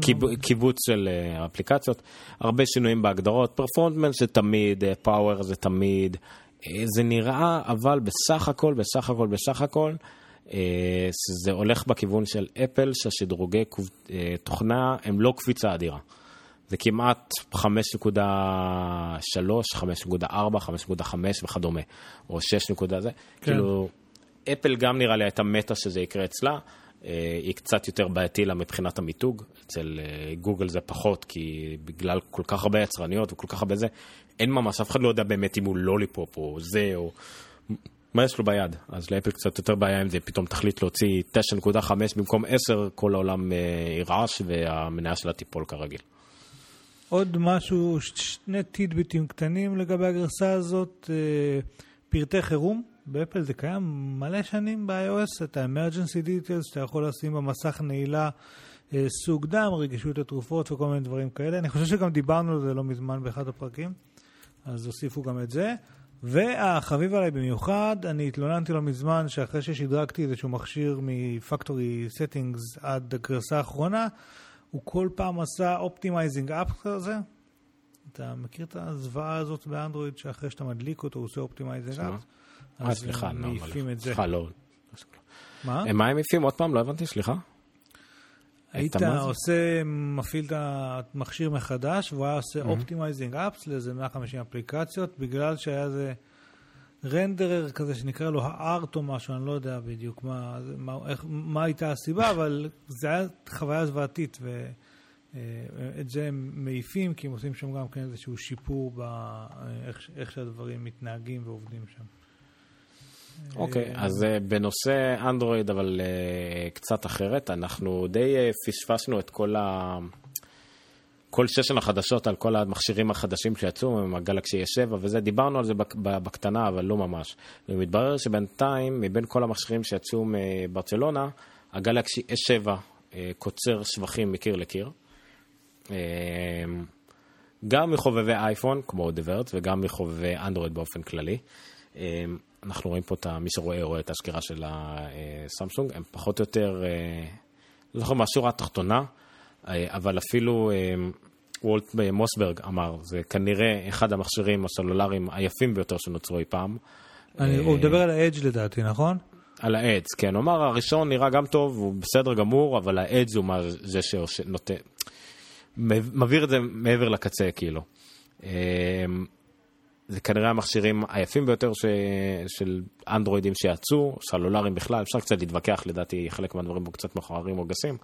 Uh, המסך מדהים, המצלמה מדהימה, העובדה שהוא עמיד במים, זה מאוד דומה לגלקסי S6, אבל הכל הכל יותר טוב. העמידות במים, האפשרות לכרטיס, uh, להכניס כרטיס זיכרון וגם כרטיס סים, או כרטיס סים נוסף באותה מגירה, אם אתם רוצים דואל סים במקום זיכרון. שוב, העמידות במים. זה, uh, זה מגניב דרך אגב. כן, הסוללה נשלפת, גם עמיד במים וגם סוללה נשלפת. המצלמה מטורפת, כולם אומרים שהם גם הקטינו את מגה פיקסל כדי לעשות חיישן יותר טוב. אמ, אבל, אבל, אבל, התוכנה עדיין של סמסונג, ולפחות בארצות הברית, הסמסונג עדיין מכרה את נשמתה לוורייזון ו-AT&T, ואם קונים מכשיר דרך חברה סולולרית, חוץ מזה שהוא נעול, עדיין, סמסונג והמון מכשירי דגל באים נעולים, בניגוד למה שקורה באפל, הם מגיעים נעולים וזה נוראי. אז ה bloatware ים מטורפים, תוכנות של ורייזון, תוכנות של AT&T יכולות לתפוס עוד ג'יגה בייטים על ג'יגה בייטים, זה בעצם נוראי. אה, אבל חוץ מזה המכשיר הזה באמת כאילו שובר את שוק האנדרואיד, מוכר בצורה מטורפת, סמסונג מצליחה עם מכשיר דגל אה, יקר, שיכול גם להעלות את המחירים שלהם. את מחיר הממוצע שלהם ואת סך הכל את ההכנסות של אה, סמסונג, וזה מרשים מאוד. אה, היו עוד כמה ביקורות על זה קצת, שוב על התוכנות של סמסונג, על מה זה אומר לגבי אנדרואיד באופן כללי, ועדיין בעיות אבטחה ועדכונים וכדומה. אה, וגם דווקא ביקורת ממקום קצת לא צפוי, אחרי שהמכשירים של סמסונג באופן כללי קיבלו פעם ציונים די טובים בפירוק שלהם, אז דווקא עכשיו הם הגיעו לציון של... אה, אה, היו שלוש. 4 מתוך 10 ה-S6, עכשיו ה-S7 ציון אה, שלילי של 3 מתוך 10 ב-iFixit. כמה קשה לפרק אותם. אז זה פה הכתבה הזאת אומרת למעבדה, לידיעת מעבדות הסלולר, החלפת מסך שבור בגלקסי S7 כמעט בלתי אפשרית. בסדר. תעשו אחריות, תעשו ביטוח, הכל בסדר, ואל תקנו מחאפרים. אבל כן, זה מכשיר שהוא דווקא יותר בקטע של אפל בקטע הזה. החברות הבינו שכמה שצוחקים על אפל באורך השנים, זה הדרך הנכונה לעשות מכשיר איכותי, עמיד ויפה. אבל uh, בסדר. טוב, אז הגענו לשלב האופטימי של, של התוכנית היום, שנקרא סופה של האנושות, זאת הכותרת שעומר נתן לו. בדיוק, אה, סיימנו את סעיף החדשות, אנחנו עכשיו ב... אה, אה, זה כן חדשות, פשוט חדשות נוראיות, אבל כן. חדשות. לא נוראיות, סך הכל, תראה, היו רגעים היסטוריים בעבר שבו מחשב ניצח אה, אדם, את קספרוב בשח נגיד, אוקיי? עברנו את השלב הזה. בסך הכל, עכשיו אה, זה היה בגו. היפני. זהו, כן. זה משחק שאף, שהוא לא, הוא לא ידע שהוא קיים, פחות או יותר. אה, כן, סיני, אל תתבלבל. כן, יש, הוא מוזכר בכל מיני, בשיבומי ובכל מיני ספרים. זהו, זה, בוא, זה כאילו בוא, משחק לאנשים מאוד חכמים. כן, בואו נתחיל אה, מההתחלה, על מה אנחנו מדברים פה. אז יש את המשחק גו. אני, זה נראה לי, בהתחלה אומרים לי גו, חשבתי על משחק קלפים הזה, אם אתה, אה, זה רייס, סליחה. רייס, נכון. אותו עיקרון. אותו עיקרון. יואו, איך אהבתי רייס שהייתי קטן. למרות שטאקי עושה קאמבק מטורף, תדע לך. מטורף, כאילו. אני, נכון, נכון, האמת שאני לא שמתי לב פעם שטאקי הלך, אבל כן. טאקי ורמיקופ, לא יודע למה. נכון, נכון. אוקיי, אז המשחק גו הוא לא פשוט כמו שזה נשמע, הוא נחשב אה, למורכב. אה, אין, יש לנו פה, בוא נשים את הכתבה, שים את הכתבה בכלל, תרשה משהו עם עצמך. אה, כתבות של דבואר, דווקא איכותיות יש לנו עם תמונות וכאלה. אז המשחק גו נחשב למורכב ומסובך יותר משחמט בכמה סדרי גודל. אמנם שחמט מאוד אה, טלוויזיוני, קולנועי, מאוד אוהבים לצלם אותו ולדבר עליו, הוא משחק האצילים, אבל גו נחשב להרבה יותר מסובך ממנו. אה, מה אתה רואה עכשיו? מפרש... כן, אוקיי. גוגל מפרשמת את זה, אה, איזה מהם שמת? לא משנה, אבל בסדר. גוגל אומרת שזה, נהוג להגיד שיש יותר אפשרויות על לוח גו, ואתם רואים את זה על המסך, לוח גו מאשר אטומים ביקום. אה, מי שמבין, נגיד, בשחמט, בכל מהלך, יש לך 20 מהלכים אפשריים. לעומת זאת, לעומת זאת, בגו יש על כל מהלך 200 מהלכים אפשריים בלוח. אה, ואם כל מהלך גורר עוד מהלך, גורר עוד מהלך, תחשוב לאיזה כמות אנחנו מגיעים. אז זהו, אז המשחק הזה, גם אם לא חסר זהו, רגע, שוחק... למ- והסי- הסיבה שזה משנה, כי כשמשחקים נגד מחשב, שח, הוא יכול לחשב את כל התסריטים האפשריים. כי יש לו מספיק נכון. capacity ו-processing power כדי, כדי אה, נכון, אבל העובדה היא... האפשרויות. נכון, אבל העובדה היא שגם למחשבים לפני 20 שנה היה את היכולת התיאורטית לעשות את זה. מה מיוחד במצב הזה? המשחק הזה גם הוא נחשב למשחק שמבוסס מאוד, אתה עברת, לק- אה לא, לא עברת לכתבה אחרת. המשחק הזה מבוסס הרבה מאוד על אינטואיציות. הרבה מאוד על uh, הרגשה, להרגיש את הלוח, מה שנקרא. כי זה דברים, בגלל עודף האפשרויות, אתה לא באמת יכול לחשב הכל קדימה, אלא אתה צריך להרגיש אם זה את היריב, אם מה קורה בלוח, לאן זה מתקדם וכדומה. אתה יכול להמשיך לגלול בכתבה. אמ, אז זהו. אז עכשיו, אחרי שבשנה האחרונה, האינטליגנציה המלכותית, אנחנו כמו שאמרת, הכרנו את Deep Blue, Deep Mind, כל אלה שניצחו את קספרוב, אז פלשו גם למשחק הזה. עכשיו, בין הקורבנות היה את השחמט, אבל היה גם את דמקה, היה גם שבצנה, ואפילו המחשב של IBM ווטסון שיחק אה, בג'פרטי, מלך הטריוויה. גם שם הוא ניצח. לא בקלות, האמת, כי זה גם משחק שמבוסס הרבה על עניינים אנושיים, אבל ניצח גם שם. אז בימים אלה יש אה, משחק קרבות בין AlphaGo, שזה המחשב שנוצר כדי לשחק גו על ידי גוגל, בשיתוף IBM, IBM כאילו עדיין התשתית לכל האינטליגנציה המלאכותית הזאת. אז המחשב הזה התחרה בבחור בשם לי סדול, ראינו אותו פה בשרדון. הוא לא האלוף המכהן, אבל הוא 18 פעמים אלוף לשעבר. אז הוא שווה שווה להניח הוא בין החמישה הכי טובים בעולם בזה. ונכון לרגעים אלו, המחשב ניצח את, אה, את לי כבר שלוש פעמים. זה, הם הולכים על קרב של הטוב מחמש, למרות שלא יודע למה, אבל במקרים האלה, גם בטוב מחמש, הם משחקים את כל החמישה משחקים. לא הבנתי את זה כל כך אף פעם, אבל בסדר, גם את המשחק עצמו לא הבנתי, זה לא משנה. אמ, ליסדו לפני הקרב הזה אמר שהוא מתעד, אה, מתעד לנצח משהו כמו אה, ארבע או את כל חמש הקרבות. ובינתיים הוא הושפל והושפל אה, שוב ושוב.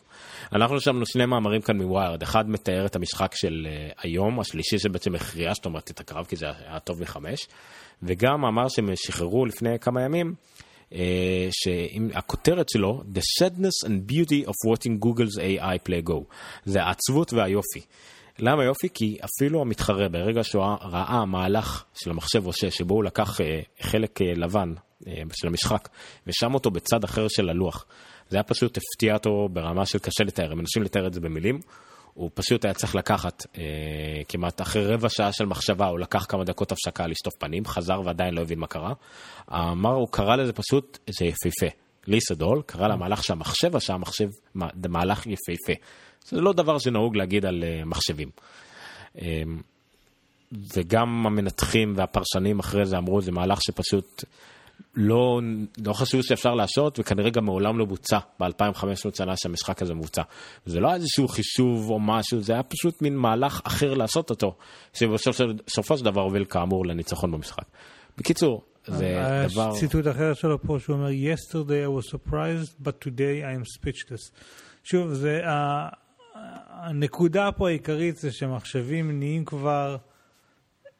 יש כל מיני דברים שתמיד אמרנו, שתמיד חשבו שאולי מחשבים לא ידעו לעשות, כי זה דורש, כמו שאתה אומר, אינטואיציה, וזה דורש קצת, לא חישוב מתמטי פשוט עם תוצאה אחת ברורה, אלא למידה והסקת מסקנות וכל מיני דברים כאלה שמיוחסים יותר ליצורים חיים ופחות למחשבים, ו- והסיבה שמה שקורה פה הוא מעניין זה בגלל ש... הם, הם עלו עוד מדרגה, כאילו, הם המחשבים שהולכים להשמיד אותנו. הם עברו עוד שלב בדרך לשם. כן, אז אפשר לצאת מזה כמובן להרבה מאוד uh, דיונים בנושא, אבל לצערנו אנחנו גם לא הכי מבינים בהם, וגם אנחנו מפחדים להגיד משהו רע. שלא יבוא לי עכשיו פרק הבא מומחה לגו ויגיד שכל מה שאמרנו היה שטויות. שלא יבוא אליי המחשב של אלפא-גו והחליט, לא יודע מה, למחוק את הזהות שלי בפני האדם. לא, אנחנו מאוד אוהבים אותך. כאילו, אנחנו חושבים שאתה שחקן גו הכי הרבה יותר טוב, אתה וגם החברים שלך מבוסטון דיינמיקס עם ה-artificial intelligence. כולכם שחקנים מעולים. כן, אני אפילו אנסח את זה בשפה שאתה מבין. 1, 0, 0, 1, 0, 0. רגע, wait for it. מטורף אתה, זה משהו. זה היה נדרש. אני לא יודע מה בא קודם, הרצון שלי לעשות את הסטגדיש או הבדיחה העלובה. אוי, גוואלד. טוב, בסדר. אז עד כאן אה, חדשות השבוע, ובמסורת שלנו אה, חדשות השבוע, אה, חדשות השבוע בחצי שעה נגמרו בדיוק ב- 40 ו... בשעה. 50 דקות, כן. בסדר. טוב, אז uh, עכשיו, uh, כאן זה לא בדיוק דיון, אלא זה סקירה שלי. אני הלכתי כשהייתי בארצות הברית לפני חודש כבר, זה יוצא אולי, הייתי. בטסלה, הלכתי לעשות נסיעת מבחן, uh, לא נסעתי, זאת אומרת לא נהגתי, כי מסתבר שהם רצו רישיון נהיגה בינלאומי, משהו שאני לא עשיתי כבר מיליון שנה, כי באף חברת השכרת רכב לא ביקשו את זה. אה, כי בדרך כלל הרישיון הישראלי הוא כבר אמור להיות, אה, תשנה את השיתוף מסך אצלך בבקשה. הוא, לא לגמרי בינלאומי. אוי, יש לי שיתוף מסך? סבבה. הוא לא לגמרי בינלאומי, מה שיש בישראל, אבל הוא קביל בהרבה מדינות בעולם. יש רישיון בינלאומי, הוא מה שאתה מוציא בממסי ובכל מיני כאלה, הוא, יש איזשהו פורמט מאוד ספציפי, הוא לא משהו שיקר להוציא, הוא לא משהו שמסובך להוציא. פשוט הולך, מראה רישיון ואתה מוציא אותו, אבל בגלל שבדרך כלל לא צריך אותו, אז פעם, פעם הרבה, החתול שלך תקף שם משהו. כן. פעם אה, הרבה חברות השכרת רכב היו דורשות את זה, היום זה פחות אה, אה, רלוונטי, ולכן פשוט לא עשיתי את זה. ואז לא יכולתי לנהוג באוטו, אבל, אבל קיבלנו נהיגת מבחן אה, על ידי איזשהו נציג של טסלה שהיה שם, הוא לקח אותנו לנסיעה ארוכה, הייתי עם אבא שלי. אה, לקח אותנו לנסיעה די ארוכה וגם תחקרנו לו את הצורה שם. אה, והאמת שעלו שם כמה נקודות שמאוד האירו את עיניי אה, לגבי מה זה הטסלה מודל 10 הזה, או מה זה טסלה באופן כללי. שוב, כל זה קורה כאשר ברקע אני גם שומע את הביוגרפיה של אילון מאסק, מה שחיבר עוד כל מיני נקודות. אז אם עד עכשיו זה היה, בין, זה היה רכב חשמלי, הטסלה, ועיקר השוס שלו היה באמת בזה שנגיד אתה לא מתדלק, כי הם מציעים לך, אתה לא חייב לתדלק אה, בכסף, כי אם אתה מתדלק בסופר צ'ארג'רס של, של אה, טסלה, אז התדלוק הוא חינם, את זה ידענו גם קודם. אני חושב שהנתון, היו שני, שתי נקודות סופר מדהים, ש, מעניינות שאני, כאילו, קפצו לי עכשיו בצורה הרבה יותר מובהקת. הדבר הראשון זה שהרכב הזה, אין בו כמעט חלקים זזים, אוקיי? אין בו חלקים נעימים. במנוע רגיל של רכב, מנוע בעירה פנימית, אני לא זוכר את המספר, נדמה לי שזה אלף חלקים, או כל מיני, תלוי איזה מנוע ותלוי איך מסתכלים עליו, אבל זו מערכת מאוד מורכבת וצריך לשמן אותו ולהחליף שמנים וכל מיני דברים כאלה, ו- ובזבוזים מאוד גדולים של חום, ובקיצור מערכת שדורשת high maintenance מאוד. אז מנוע חשמלי בעצם יש שם חלק אחד זז.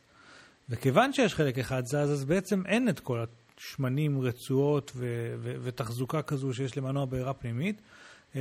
ובעצם אין כמעט טיפולים. זאת אומרת, טסלה מציעה שתבוא לטפל פעם בשנה באוטו, אבל מה שיקרה בטיפול הזה זה בדיקה אך ורק של בלמים ושל צמיגים, וכל השאר זה בעצם להתחבר למחשב, הוא עושה לך איזה מין סריקה כזאת, מעדכן תוכנה אם צריך, אבל את זה הם עושים anyway דרך 3G או דרך כאילו סלולר.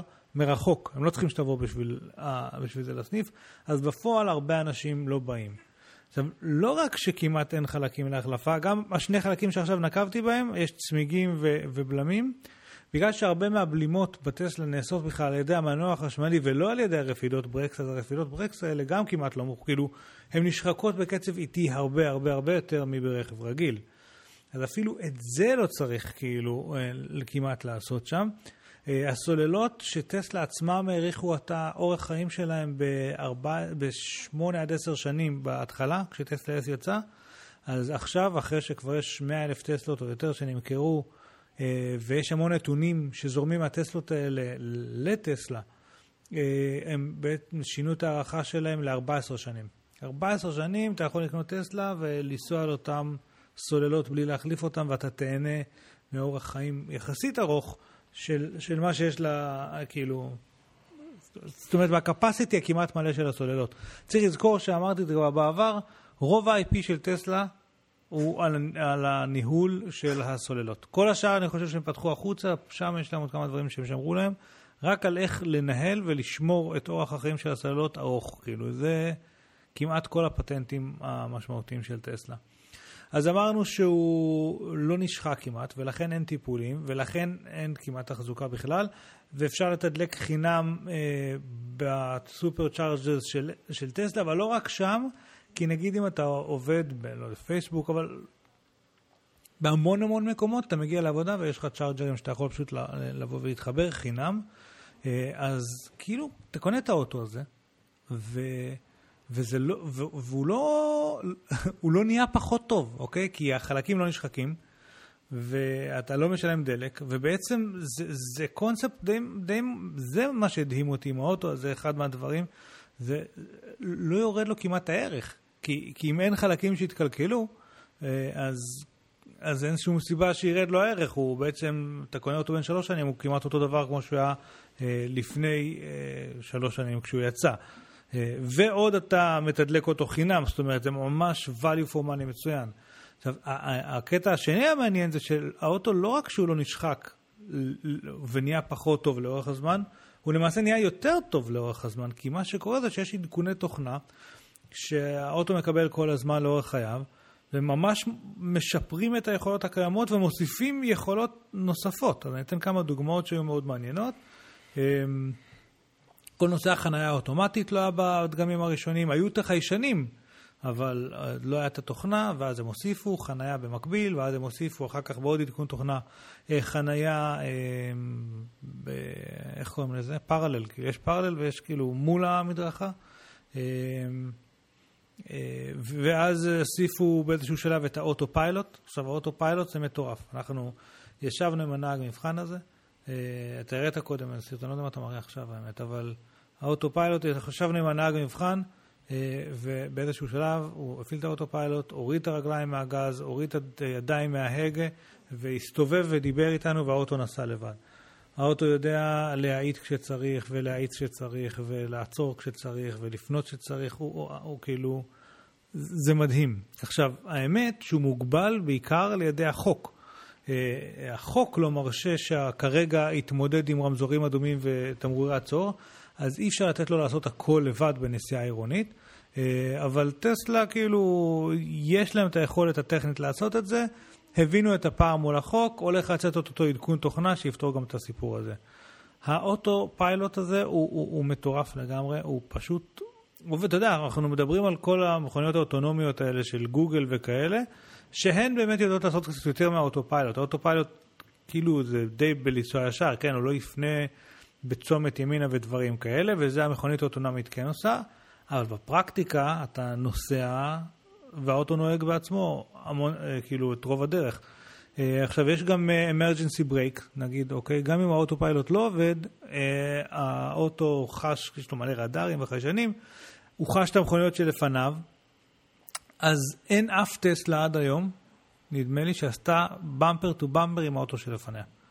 כי יש מערכות ששומרות על הדבר הזה. זה, זה נתון מטורף, כי, כי אם חסכנו בתחזוקה וחסכנו בדלק, ועכשיו אני אומר לכם שגם את הדפיקות האלה שמדי פעם קורות, ואחת לשלוש שנים עולות 6,000 שקל, גם את זה לא יהיה לכם, זה גם מדהים. יש להם שמירה נתיב אוטומטית, ואמרנו חניה אוטומטית, ומלא מלא חיישנים וכל מיני דברים ממש ממש מגניבים. אבל עוד משהו שהוא חזק ממש, זה נושא ה... כאילו איך הרכב בעצם משתפר לאורך הזמן. כל מכונית עושה לעצמה Machine Learning, זאת אומרת, אני משתמש, ככל שאני משתמש באוטופיילוט יותר, הוא לומד יותר את ההתנהגות באזור שלי, אה, של האופי של הנהגים ואיך נראים הכבישים ודברים כאלה, ובעצם המכונית עצמה היא נהיית חכמה יותר ומשתפרת, האוטופיילוט שלי נהיה טוב יותר.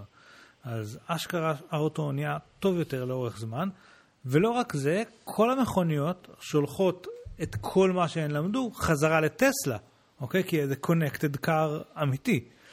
שולחות את מה שהן למדו חזרה לטסלה, טסלה עושים processing, יוצרים מכל מה שכל המכוניות לומדות עוד עדכון תוכנה, ועכשיו מחזירות את זה לשטח, כך שכל המכוניות בעוד עדכון תוכנה הופכות להיות עוד יותר טובות, מעבר למה שהן למדו בעצמן, גם ממה שלמדו המכוניות האחרות. כאילו, זה, זה ביג דאטה, זה כל, connected car לחלוטין, זה, זה, זה פשוט מדהים. היה שם ניואנס קטן שתפס אותי, אה, ש, שמדגים את זה בצורה נחמדה. אה, יש, בגלל, במכוניות ספורט, בגלל שהן מאוד נמוכות, אז כשהן יוצאות מכל מיני חניות כאלה, אז יש זוויות עם הכביש שהיא עלולה להתגרד על הכביש.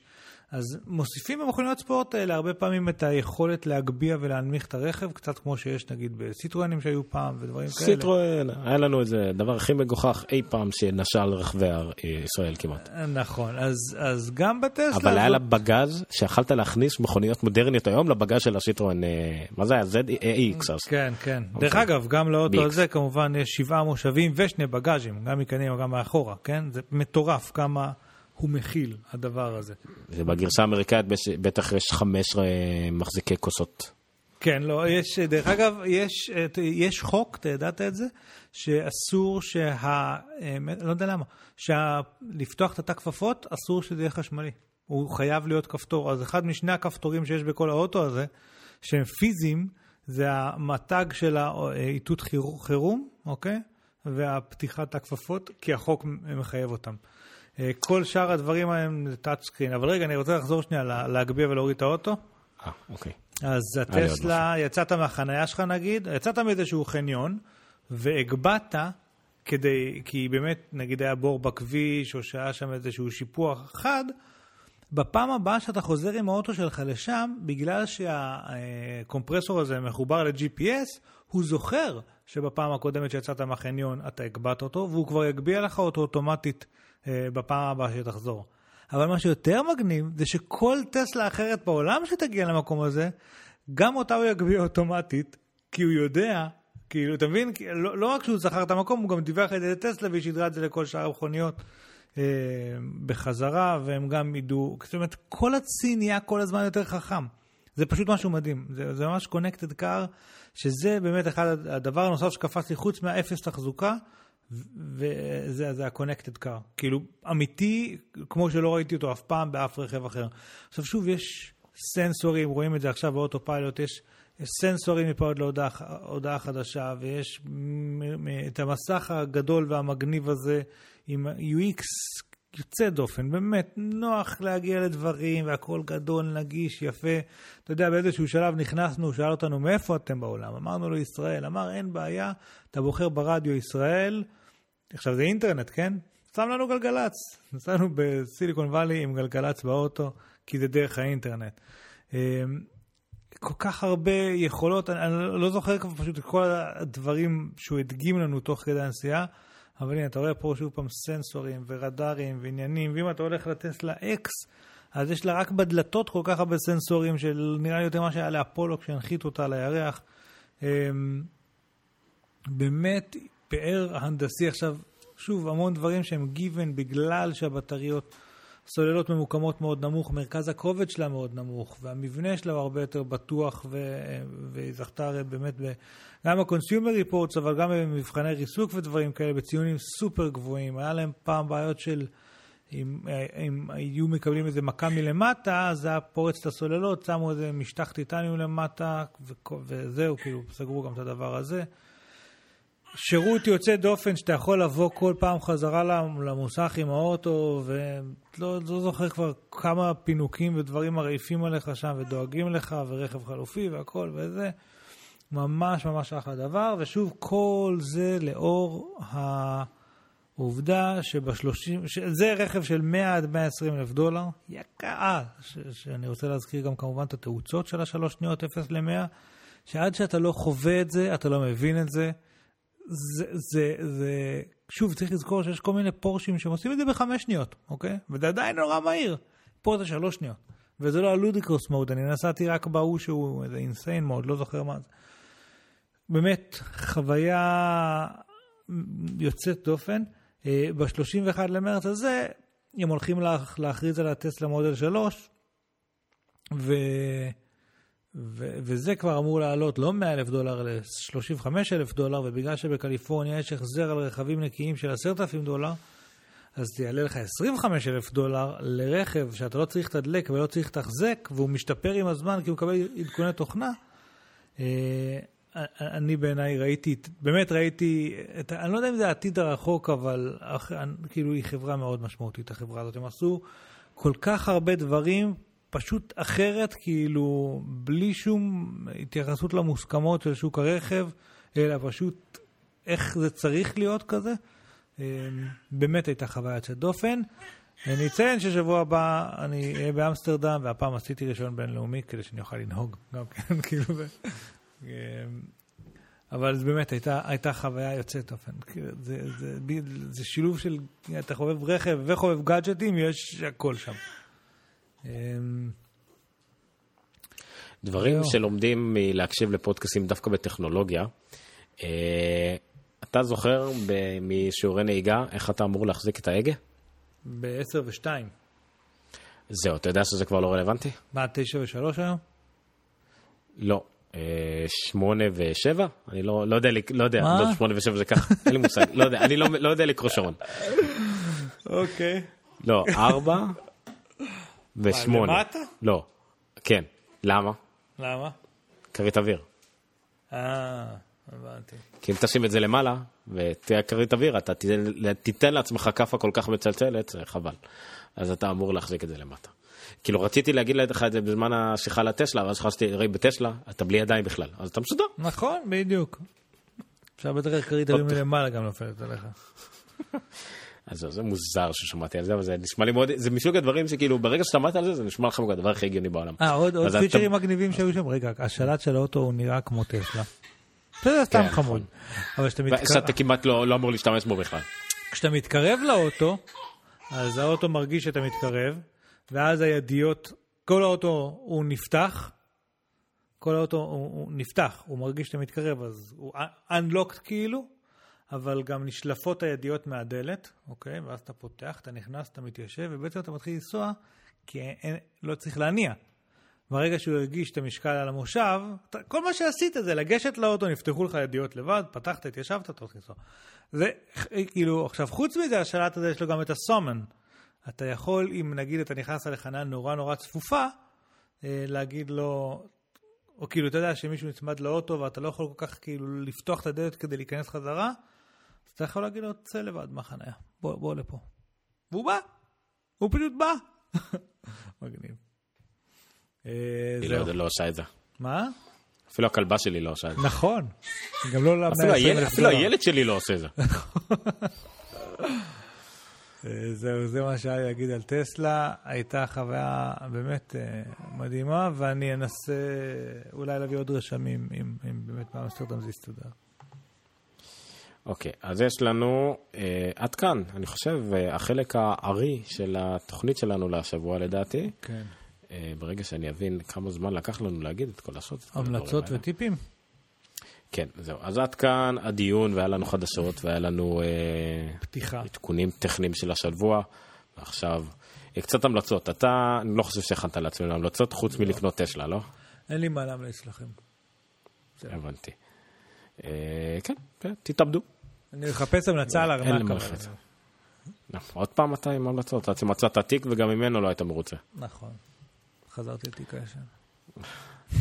אה, אוקיי, אז המלצות וטיפים, אני יש לי שניים. א' כל דיברתי בתחילת התוכנית על אה, איך פתרתי, עוד פעם אני, זה כן, איך פתרתי חלק מהבעיות שלי עם האקסבוקס באמצעות התחברות ל-VPN. עכשיו, ניסיתי לעשות כל מיני קומבינות, אה, כי יש לי VPN באייפון, במחשב לא עובד לי, אז חיברתי עם ה-VPN שיש לי באייפון, אה, עשיתי כמו אה, אינטרנט שיירינג למחשב, לא עבד, לי, עד שנזכרתי בדבר הנפלא הזה שנקרא טאנלבר.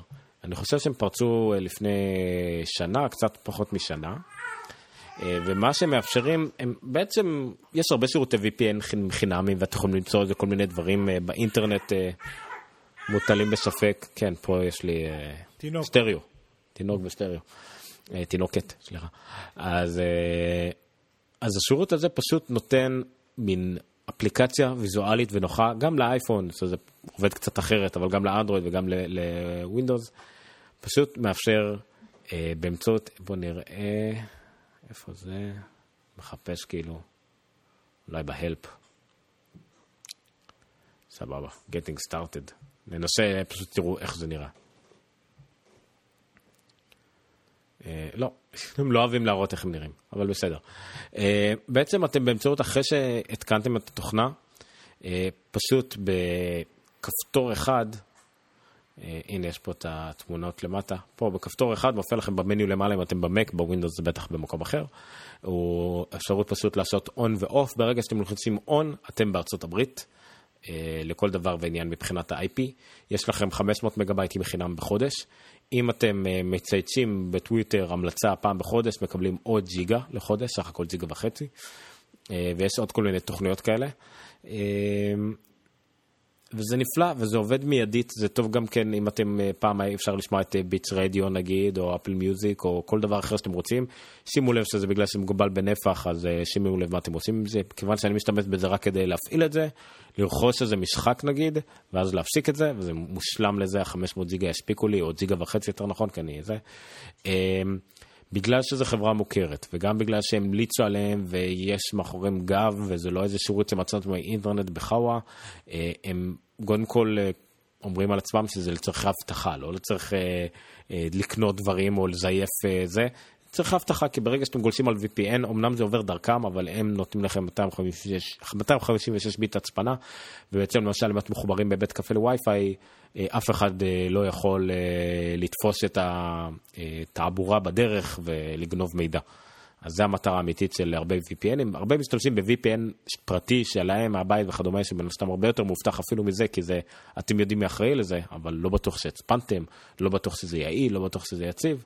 אבל פה בעצם הכל uh, קיים ועובד, וזה עובד נפלא. אה, אז זה TunnelBear, הגרסה החינמית היא 500 מגה בייט, 7 דולר לחודש אה, בלתי מוגבל, או, איך זה עובד? 50 דולר לשנה, בלתי מוגבל, שזה פחות מ-7 דולר לחודש בחישוב מתמטי מאוד מהיר. אז רוצו להוריד את זה, זו ההמלצה הראשונה שלי. והטיפ שלי הוא כמובן, כרגיל, טיפ של מישהו אחר, כי מה אנחנו יודעים באמת. אה, איימור, שוב, אותו אתר נפלא, העלה מאמר של כל הדברים שניתן לעשות עם סירי באפל TV. שוב, למי שהגדיר את האפל TV כאזור ארה"ב והסירי עובדת לו ויש לו מבטא לא רע, יש המון דברים שאפשר לעשות שאנחנו לאו דווקא יודעים מהם. אה, מה כדאי לי לצפות הלילה, איזה תוכניות פופולריות יש בזאנר ככה וככה. אה, מי שיחק בסרט ההוא וזה קופץ. המון דברים, חלקם ידענו, חלקם ראינו ושכחנו. אה, אפילו אפשר אה, עם playback קדימה, אחורה וכל הדברים האלה, תפעיל תרגום, לא תפעיל תרגום, עם מוזיקה. ממש ממש רשימה מלאה ומקיפה. iMore, יש להם פשוט המון מדריכים כאלה על כל דבר. באמת אתר נפלא, ובמקרה הזה גם מאמר מאוד מאוד יעיל. שני הדברים האלה יהיו בלינקים. שוב, אם אתם מאזינים לנו בנגן חכם, אז אתם יכולים לראות את הלינק ישירות, תוך כדי הניגון, ישירות מהפרטים של הפרק. אמ, זהו, עד כאן, רשמתי לעצמי שהיה גם אה, מין מאמר של רנה ריצ'י, גם מהאיימור, על מפתחים עצמאיים והאפסטור וכדומה, אולי ניגע בזה בדיון בזמן אחר, לא כרגע. ניר? כן, אה, לא היה לי מה להגיד. אתה פשוט נראה חצי תקוע כזה. אה, מה, לך יש אפל TV, לי אין, אז תנסה את הדברים האלה. למה לא? אני אנסה. אני אציין שחלק אה. מהדברים, גם בסירי הרגילה, כל ה schedule, את ה restaurant, או כל מיני דברים, תלויים לא רק בזה שתהיה נוכח, כאילו הם תלויים בשירותים נוספים שקיימים רק בארצות הברית או דברים כאלה. כל המידע על הסרטים עובד, וגם אה, אני מאוד אוהב את זה של, אתה יכול לשאול תוצאות של נקוד ב-NBA וקופצים לך כל הפאנלים המגניבים האלה וזה. אלה עובדים, אבל... אה, וה... what did she say, ואז הוא קופץ 15 שניות אחורה וזה. אה, אבל אה, זהו. אני תמיד, אני תמיד חושב שהבעיה הכי גדולה בדברים האלה זה לזכור לעשות את זה. נכון. אנחנו אולי כי אנחנו כל כך תקועים בפרדיגמות הישנות, שאתה ישר הולך לשלט ולדברים. זה לא רק זה, זה אה, לזכור, אל תשכח שלהבדיל משלט, אתה צריך לזכור את כל הפקודות בראש. אוקיי? אתה זוכר שהיה עכשיו אפליקציה שקוראים לה Peach, וזה היה כן. מין משהו חברתי, והיה לה magic words כאלה, וזה עבד סופר מגניב. רק שמי זוכר 30 פקודות בעל פה, כאילו, אתה צריך להתרגל לזה ממש. נכון. ו... נכון, אבל uh, צריך לזכור uh, שהאידיאל הוא, כמו שהרבה, דווקא למה אוהבים את אקו, את אלקסה, כן. יותר אפילו מסירי, כי אתה פחות מרגיש כפוי לגבי מה לשאול, אתה לא צריך, הרבה פעמים זה לא לזכור, כאילו, אתה לא צריך לזכור שאתה רוצה לדעת מה השם של שחקן. אתה כן צריך לזכור פתאום איך אומרים את זה כדי שהיא לא תטעה. נכון. המטרה היא שהזיהוי הקולי הזה, האינטליגנציה המלאכותית הזאת, תדע כמה שיותר שפה טבעית. סירי מתקדמת ומתקדמת, אבל נראה כאילו לא כמו אה, אלקסה. קורטנה פחות, אה, שמעתי על זה, ואוקיי גוגל, אוקיי גוגל פשוט פחות אה, ידידותי, פחות אנושי, אבל כנראה שהוא יותר יעיל. אה, וסירי נראה קצת תקועה, מצד שני יש לה את הפלטפורמה הכי גדולה והכי נפוצה לשליטה קולית. עם כל כן, הכבוד לאוקיי גוגל, אני חושב שיש יותר משתמשים. בסירי. אני חושב שהם אה, השקיעו המון משאבי אה, פיתוח של סירי בפורטינג, בלהעביר אותה לשעון, ואז להעביר אותה לאפל TV, ולהעביר אותה, כאילו להעביר אותה מפלטפורמה לפלטפורמה, ובאמת אנחנו יודעים שבשעון היא עבדה קצת יותר טוב ממה שהיא עבדה אפילו בטלפון וכאלה דברים, ובאפל TV זה גם חדש, ואני מקווה שעכשיו שהיא, אוקיי, היא על כל הפלטפורמות, אז בואו תרחיבו שוב את היכולות שלה. ובאמת ולא שהיא פחות תצ- חשוב, להפריד את היכולות שלה. זאת אומרת, סירי לשעון זה לא הסירי לטלוויזיה. וזה לא הסירי לטלפון, וזה לא יהיה אולי סירי למק בגרשה היא הבאה של כן המק. מבחינת הצוות פיתוח שיושב מאחורה. כאילו, זה, זה, זה הנקודה על- שאני אגיד לך. הצוות פיתוח הוא כמעט חד פעמי. מי שאחראי אבל על כל המטה דאטה ועל הטקסט ועל ללמד אותה אנושיות, זה צריך להיות צוותים שונים, זה המטרות שונות. כן. אה, טכנית, אולי הגענו סוף סוף לישורת, אבל צריך עוד להכניס לה המון המון מידע ולהפריד כל אותו. עוד אני לא. יכול להתייחס אליה באות, באותה צורה שאני מתייחס לגוגל נגיד, אני פשוט שואל את מה שבא לי לשאול והוא פחות או יותר מבין מה אני רוצה, אה, משלים לי משפטים ואפילו מתקן לי כל מיני דברים שכתבתי לא נכון. כל עוד היא לא ככה אינטואיטיבית, אז יהיה מאוד קשה להשתמש בה. כאילו, אני אשתמש בה בסצנריו מאוד ספציפיים. Siri, call gate. Hey Siri, call gate. זה מה שאני עושה כל- עם סירי רוב הזמן. נכון, זה גם מה שאני עשיתי שהיה לי שער בעבודה. אבל אה, כן. אוקיי, עד כאן להיום, אבל לפני כן אני רציתי להעלות את זה שדיברנו על גו, על אה, משחק משוכלל כמו גו ושחמט והכל, והיום עלה לנו במשפחה אה, שאלה לא פחות חשובה לגבי משחק לא פחות חשוב. מה החוקים של דומינו? יש משחק שקוראים לו זניף, שהוא עם קוביות דומינו, אבל דומינו עצמו, יש, יש חוקים בכלל? אתה לוקח את המספר, ואז אם יש בקובייה שלפני את אותו מספר, אז אתה מחבר אותם. כן, אבל האם אתה יכול, אה, הרי אתה יכול לקחת פנייה, אבל זה סתם בסול הסדר הטוב, זה לא שאתה, נגיד הייתה פנייה, אתה יכול גם בצד השני להמשיך, נכון? לא, רק איפה שיש לך אה, דאבל, רק שתי קצוות? יכול... לא, דאבל, אבל הוא גם מפצל לך אולי, לא? זהו, זה, זה מה, אנחנו נתקענו עם הדאבל. אם מרשים אתה. יכול להשתמש בו בתור מפצל. הוא מפצל? אני חושב שכן, אבל עכשיו שאתה אומר, אני לא בטוח. הבנת? זה דומינו, זה אמור להיות פשוט. וכשאני מנסה לחשוב על דומינו, כל מה שאני חושב על דומינו זה איך משתמשים בקוביות דומינו כדי לעשות את המפולות האלה. נכון, לא באמת מישהו זה. שמשחק דומינו. נכון. אה, זהו, אז קנינו את דין דומינו של מלחמת כוכבים, אז כאילו, חוץ מזה שדימו שכל אה, חתיכה שלו זה כזה דבר, ואז מהר מאוד זה תופס לך חצי מהשטח הרצפה בבית. אה, אז זהו, אז אנחנו מנסים להבין אה, איך עושים עם הדאבל, וזה נראה משחק כל כך... אז זה לא בא עם הוראות? גם ההוראות לא אומרים לך מה קורה עם דאבל, או מה נכון. קורה הלאה. אה, אז אני אף פעם לא הבנתי את זה כל כך, והרי בדומינו מספרים יש גם את כל הקטע שאתה צריך להיפטר מכמה שיותר, וש... וזה נספר בנקודות כמה שנשאר לך. ופה אין, זה פרצופים של אנשים, אז מה הטעם? לא יודע. מצד אחד נראה משחק טיפשי, מצד שני, אתה כן צריך לחשוב טיפה ולהתקיל את השני כדי לנצח, וזה לא רק מזל. קיצור, דומינו, מה הסיפור עם זה? ספרו לנו, אה, כתבו לנו, ונדבר על זה שבוע הבא. תוכנית שלמה. טוב, לא שבוע הבא, שבוע אחרי זה. כן. טוב, אני הולך לישון. כן. עכשיו. אז עד כאן, עד כאן, עד כאן, אה, הנונקאסט לשבוע זה. אה, זאת הייתה תוכנית 135, ה-12 למרץ, אה, שלוש- כן, 12 למרץ. אנחנו שוב מקליטים במוצאי שבת, שבת ככה השתדר, שבוע מאוד עמוס אה, ומעט מרחק מהפרק הקודם. אנחנו מקווים ששוב, בשבוע הקרוב לא יהיה פרק רשמי, אלא רק באירוע של אפל ב-21 למרץ נעשה פרק, כנראה תוך כדי האירוע, אבל בעיקר אחרי האירוע שנשקם את הכל. ואחרי זה נחזור קצת לשגרה, הרביעי שאחרי זה נחשוב, נראה, אולי נקנה כמה דברים שיצאו. בכל זה. אז עד כאן הנונקאסט, אני הייתי עומר ניניו, שזה שטרודל עומר ניניו ועומר ניניו בפייסבוק, אתה היית.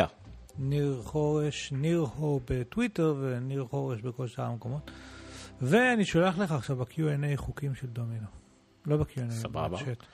אל תשכחו לעקוב אחרינו בהנונקאסט בפייסבוק או The Noncast, חפשו פשוט. אה, תעקבו אחרינו שם, שם נעלה לינקים, אירועים וכדומה. גיקסטר בפייסבוק, גיקסטר בטוויטר, גיקסטר IL באינסטגרם. אה, וזהו, זה כל מקומות שאפשר להשיג אותנו, ואתם אבל- תמיד, תמיד, תמיד, אם אתם רוצים לשמור ולא לעשות פומבי, לכתוב לנו אה, בנונקאסט אה, שטרודל גיקסטר co.il. והדבר היחיד שאנחנו באמת מבקשים מכם זה לחשוב על אותו חבר אחד, מכר אחד, אחד, שיכול מאוד לאהוב את הנונקאסט, אבל עדיין לא מכיר, או שאתם לא יודעים אם הוא מכיר, ולספר לה, זה הכל. תעשו לו אינווייט לעמוד שלנו בפייסבוק. אינווייט, שייר? לינק, דברו איתו בעל נכון. פה, מייל, מה שאתם רוצים, הכל עובד. הוא יראה את הלוגו של שני החבר'ה השרמטים אה, מדברים על טכנולוגיה, אני בטוח. לאמא שלי פעם הייתה. דייצו שרמנט. היה דגם כזה. באמת? כן, זה כמו הטנק גנרל שרמן. כן, לא. כזה, אבל יפני וקטן. יפני וקטן. גם הטנקים היפנים הקטנים. אוקיי, אה, שלחת לינק פה. כן. יפה, יפה, משוכלל. טוב, תודה רבה לכם, לילה טוב. אנחנו נסיים את החלק הרשמי של האירוע הזה, ולילה טוב לכם. Stop broadcast, או איך שקוראים לזה.